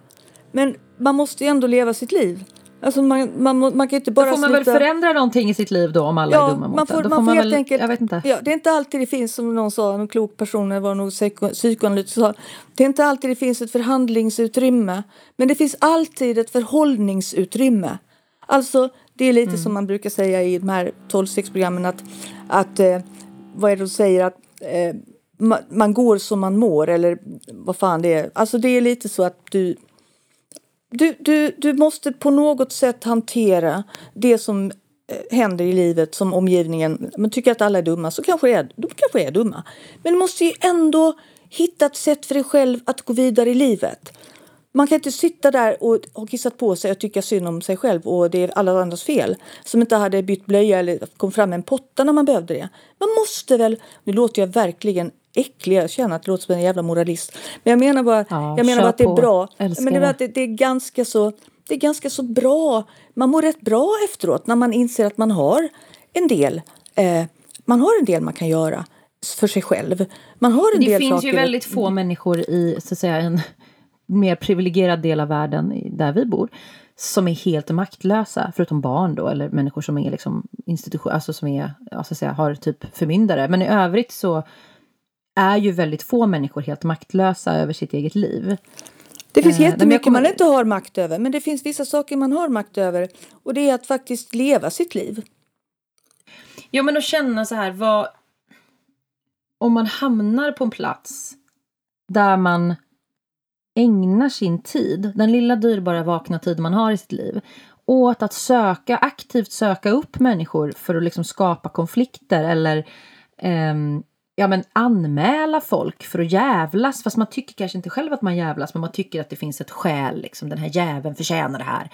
Om du fastnar i det. Jag menar jag har blivit våldtagen och hade kunnat ägna åratal åt att göra anonyma sossanmälningar mot honom och hans familj eller skicka bajs till honom på posten eller du vet, bara, bara göra såna saker som gör livet surt. Jag har valt att inte göra det. Ja. För att jag skulle må så otroligt dåligt av det själv. Ja, och det är konstigt att de här människorna som gör det då eh, saknar samvete. För det är något, något med samvete som gör att jag också vill kunna se mig själv i spegeln. Jag skulle inte vilja ha det på mitt samvete och ha, eh, ha utfört en sån ondskefull handling som faktiskt fördärvar för andra människor så till en milda grad att man och sen dessutom kanske ofta njuta av att se det. Jag, jag kan inte, Nej, skulle aldrig kunna leva med mig själv till och med när man tycker att man har skäl så här, den här personen har skadat mig eller nu jävlar. Jag har ju mycket, mycket mer respekt för människor som berättar då. Jag blev utsatt av personen X för att personen X gjorde det här mot mig. Nu står jag upp och berättar det. Ja men jättebra, även om ja, det är, det är jobbigt för någon sak. Det är en helt annan som sak blir called att... out. Jo Absolut. men då har man ju stått, än att liksom gå runt och vara sådär hämndlysten och sur och ska liksom göra anonyma orosanmälningar och anmäla någon till Länsstyrelsen och JO. Det, det är galenskap. Men du hade ju kunnat göra det. Du har ju så pass stort ja. konto så du hade ju kunnat sätta igång sådana drev på sådana här eh, DM och eh, enas om att man skulle liksom just jävlas och, och skicka orosanmälningar eller vad nu är man kan anmäla eh, för att jävlas ytterligare med den personen. Eh, det har inte du gjort. Ja, för att man vill inte bara göra så. Här, kräva, du vet, ringa någons... Det har jag liksom aldrig gjort. Jag, eller jag, har skickat, jag har skickat skärmdumpar till arbetsgivare. Alltså om män har skickat typ sexuella trakasserier eller hot till mig eh, på, från jobbmailen eller att de är typ en tjänsteman. Då har jag skickat det till deras arbetsgivare för jag tycker att då får man stå för det om man sitter på jobbet. Och ja men då skickar du en skärmdump eh, och inte, inte, ja, då skickar inte jag någonting ju du har svart hört. på vitt så här. Inte här är, titta vad Pelle skickat till mig. Nej, men gud. Men, men avslutningsvis så kan vi väl liksom, om man ska testa sig själv, hur, var man befinner sig på den här rättshaveristskalan. Vi kan väl punkta några saker. Jag tänker så här, nu har inte jag Twitter längre eller jag är inte aktiv, men om man har det eller sociala medier, men Twitter är ju lite mer så här forumet där det går snabbt. Eller vi kan ta Instagram också för den delen. Om du ser någonting i ditt flöde som gör dig lite upprörd, det kan vara ett smaklöst skämt finns det ju ganska gott om. Du vet så här, vi kanske inte ska skämta om eh, liksom ett mord eller någon, någon så att säga, stor händelse som har drabbat många människor. Eh, nu kanske man får dra ett Estonia-skämt. Det var väl ganska länge sedan i och för sig. Men du förstår Just menar. Att det är får man nog inte det, för nu är de på igen och bärgar det här. Ja, nu, nej precis. Nu är det känsligt. Vi tar något annat. Nej, men om, om, du, om du ser ett skämt som en person du inte känner då har dragit, som du tycker är smaklöst. Så här, fan vad obehagligt eller obehagligt men onödigt, smaklöst. Om du då bara liksom väljer att konstatera att du tycker det, ja, jävligt plumpt, dumt skämt. Scrolla vidare. Eller kanske skriv en kommentar öppet då till den personen. Vad fan menar du? Tyckte du det här var kul eller? Klart. Ja, men, eller är du en person som då försöker anmäla det här inlägget? Det ska tas bort. Personen som har skrivit det ska straffas, bli av med sina jobb. Mm. Eh, gärna göra någon anonym anmälan. Ja, nej, jag har ju varit gräns, på andra alltså. sidan. Jag har ju tenderat att bli den här Även om jag inte har gjort massa av de här helt sjuka sakerna så har jag ju tyckt att så här, det räcker inte bara att scrolla förbi eller liksom skriva så här, vad fan håller du på med? Om ens det. Utan man ska agera på det. Där, då börjar man, hamna, då börjar man liksom tassa in på marker där man faktiskt är en rättshaverist tycker jag. Ja, Va, men det, är, det det. Ja, men jag har ju, jag har ju fullt med sånt. Alltså jag tycker att ibland, det händer saker. Det är ett tättbefolkat område, man rör sig, det är väldigt mycket i, i omlopp, materia helt enkelt. Ibland så sker det uh, otrevliga kollisioner, ingen, ingen skada in, sker, men någon blir arg. Och jag tycker att folk får lov att bli arga. Jag kan ta rätt mycket skit, jag är ju vant mig. Jag kan till och med ta alla möjliga glåpord och folk som svär ur sig haranger och kommer med knytnävarna höttande mot mig för de tycker någonting, upplever någonting, att jag har liksom brustit i något, eh, vad nu, någon hänsyn. Visst, de får lov att avreagera sig. Jag kan till och med stå ut med det. Men det hjälper inte, det räcker inte. De måste gå ett steg till. Och det är det jag tycker är skrämmande idag. Och det är där de använder sig av myndigheters skyldighet att eh, utreda saker. Och där, återigen som en slutsats, det här är en del av cancel culture. Men när myndigheterna lånar ut sig till det här och uppmuntrar sånt beteende då är, vi, då är vi riktigt risigt ute för då har vi hamnat i en angivarstat alla DDR. Jag, jag tror inte, är det verkligen dit vi vill? Och myndigheter, om någon myndighet lyssnar på det här, tänk efter. När ni får in någonting eh, som låter snurrigt och när de dessutom hänvisar till vad andra sagt, ta det med en gnutta salt och kanske lägg det åt sidan. Det kanske kan vara så att de har en annan agens. Ja, och jag skulle vilja skicka med eh, till föräldrar, nu har inte jag så stora barn, men jag har väl det sen, snart. Föräldrar som då på allvar tycker att det är skäligt att anmäla lärare som har tillrättavisat ens barn. Istället, alltså beror på om de har gett ungen en örfil, absolut, men det var ju det här fallet med den här läraren som lyfte bort en elev som vägrade flytta på sig. Som hade satt sig på någon jävla soffa. De hade släpat det mitt i vägen. Jag kommer inte ihåg vilken stad det var. Men det var ju ett sånt fall som höll på att tröskas eh, i hundra instanser ganska nyligen. Jag kommer inte ihåg hur det slutade. Om, jag tror läraren blev fri, alltså han, fick, eh, han blev frikänd. Men det var alltså föräldrar som på allvar tyckte att man ska använda jättemycket skattepengar för att en lärare hade liksom lite bryskt lyft bort deras son.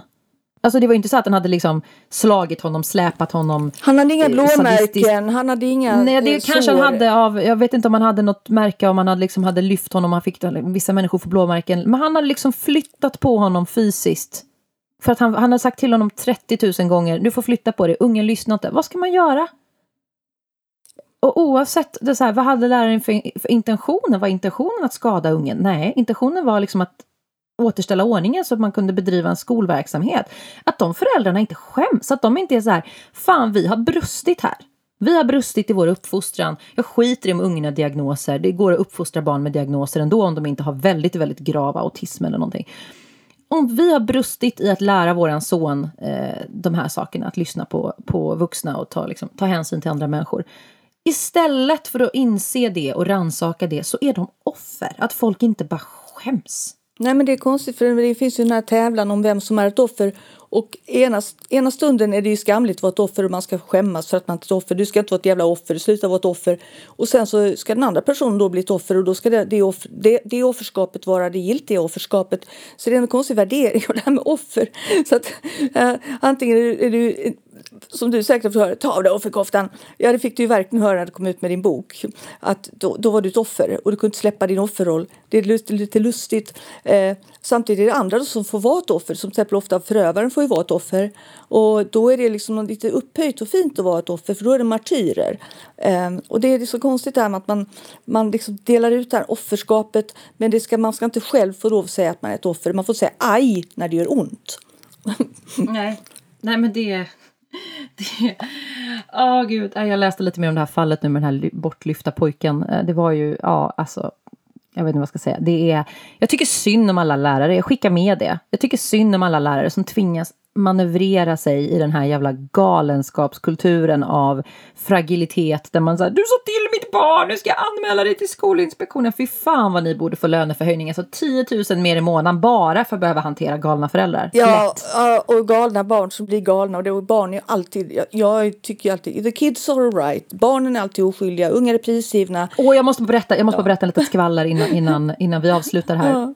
Nu kommer jag inte säga vem det handlar om för det, kan, det blir oetiskt av mig. Så att nu får, ni får ni njuta lite grann.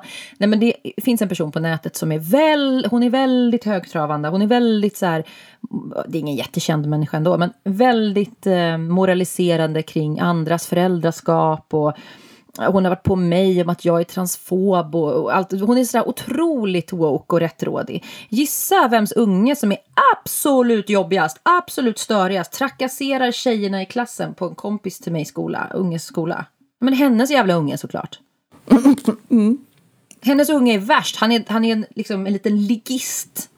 Så det är också ett varningstecken. De som slår sig absolut mest för bröstet på vad de här bästa föräldrarna som har, är mest medvetna i sitt föräldraskap. Det är de som har de värsta ungarna. Jag har fått sagt det bara. Exakt, och där tycker jag vi fick en slutkläm. För det är det. Kolla ja. de som håller på och gnäller och anmäler och klagar och rättshaveristar sig. Kolla dem, granska dem. För det är sällan de har rent mjöl i påsen själva. Titta vad de har på sitt samvete. Kolla dem. Projektion. Ja. Jag menar bara så här, för att du ska du på dig till gola så ska du fan ta mig få stå till svars för det. Golgök. Ja, bra. Få städa i min egen jävla dörr, ja. golgök. Tack för att du har lyssnat på Valin och Droge. Följ oss på Instagram, det heter så, Valin och Droge. Eller Valin Droge utan och heter vi tror jag. Eh, stötta oss på Patreon om du vill. Unni blir snart fatt, ja, men det är jag, som jag kan inte stöd. försörja dig. Stöd och jag, jag, det, Nej, jag behöver inga pengar, men du ska ha pengar. Pinsam. Jag hamnar i så skuld och Cissi hela tiden att hon ska försörja mig. ja. Nej, men jag är trött på att försörja dig, för då blir jag som din. Jag skojar, försörj, inte dig. Men då blir jag som din mamma. Så man får gärna eh, stötta Unni på Patreon om man gillar hennes skarpa analyser i den här podden. Eh, vi hörs om ett tag igen. Vad kul att vi är tillbaka, eller hur? Ja, det är jättekul. Vi har haft kul ja. nu. Hoppas ni hade det också. Det jättekul. Ja. Väldigt långt blev det, men det är för att vi kommer ut så sällan. Ha det fint, vi hörs snart igen. Ha det Hej då! Ciao! Hej!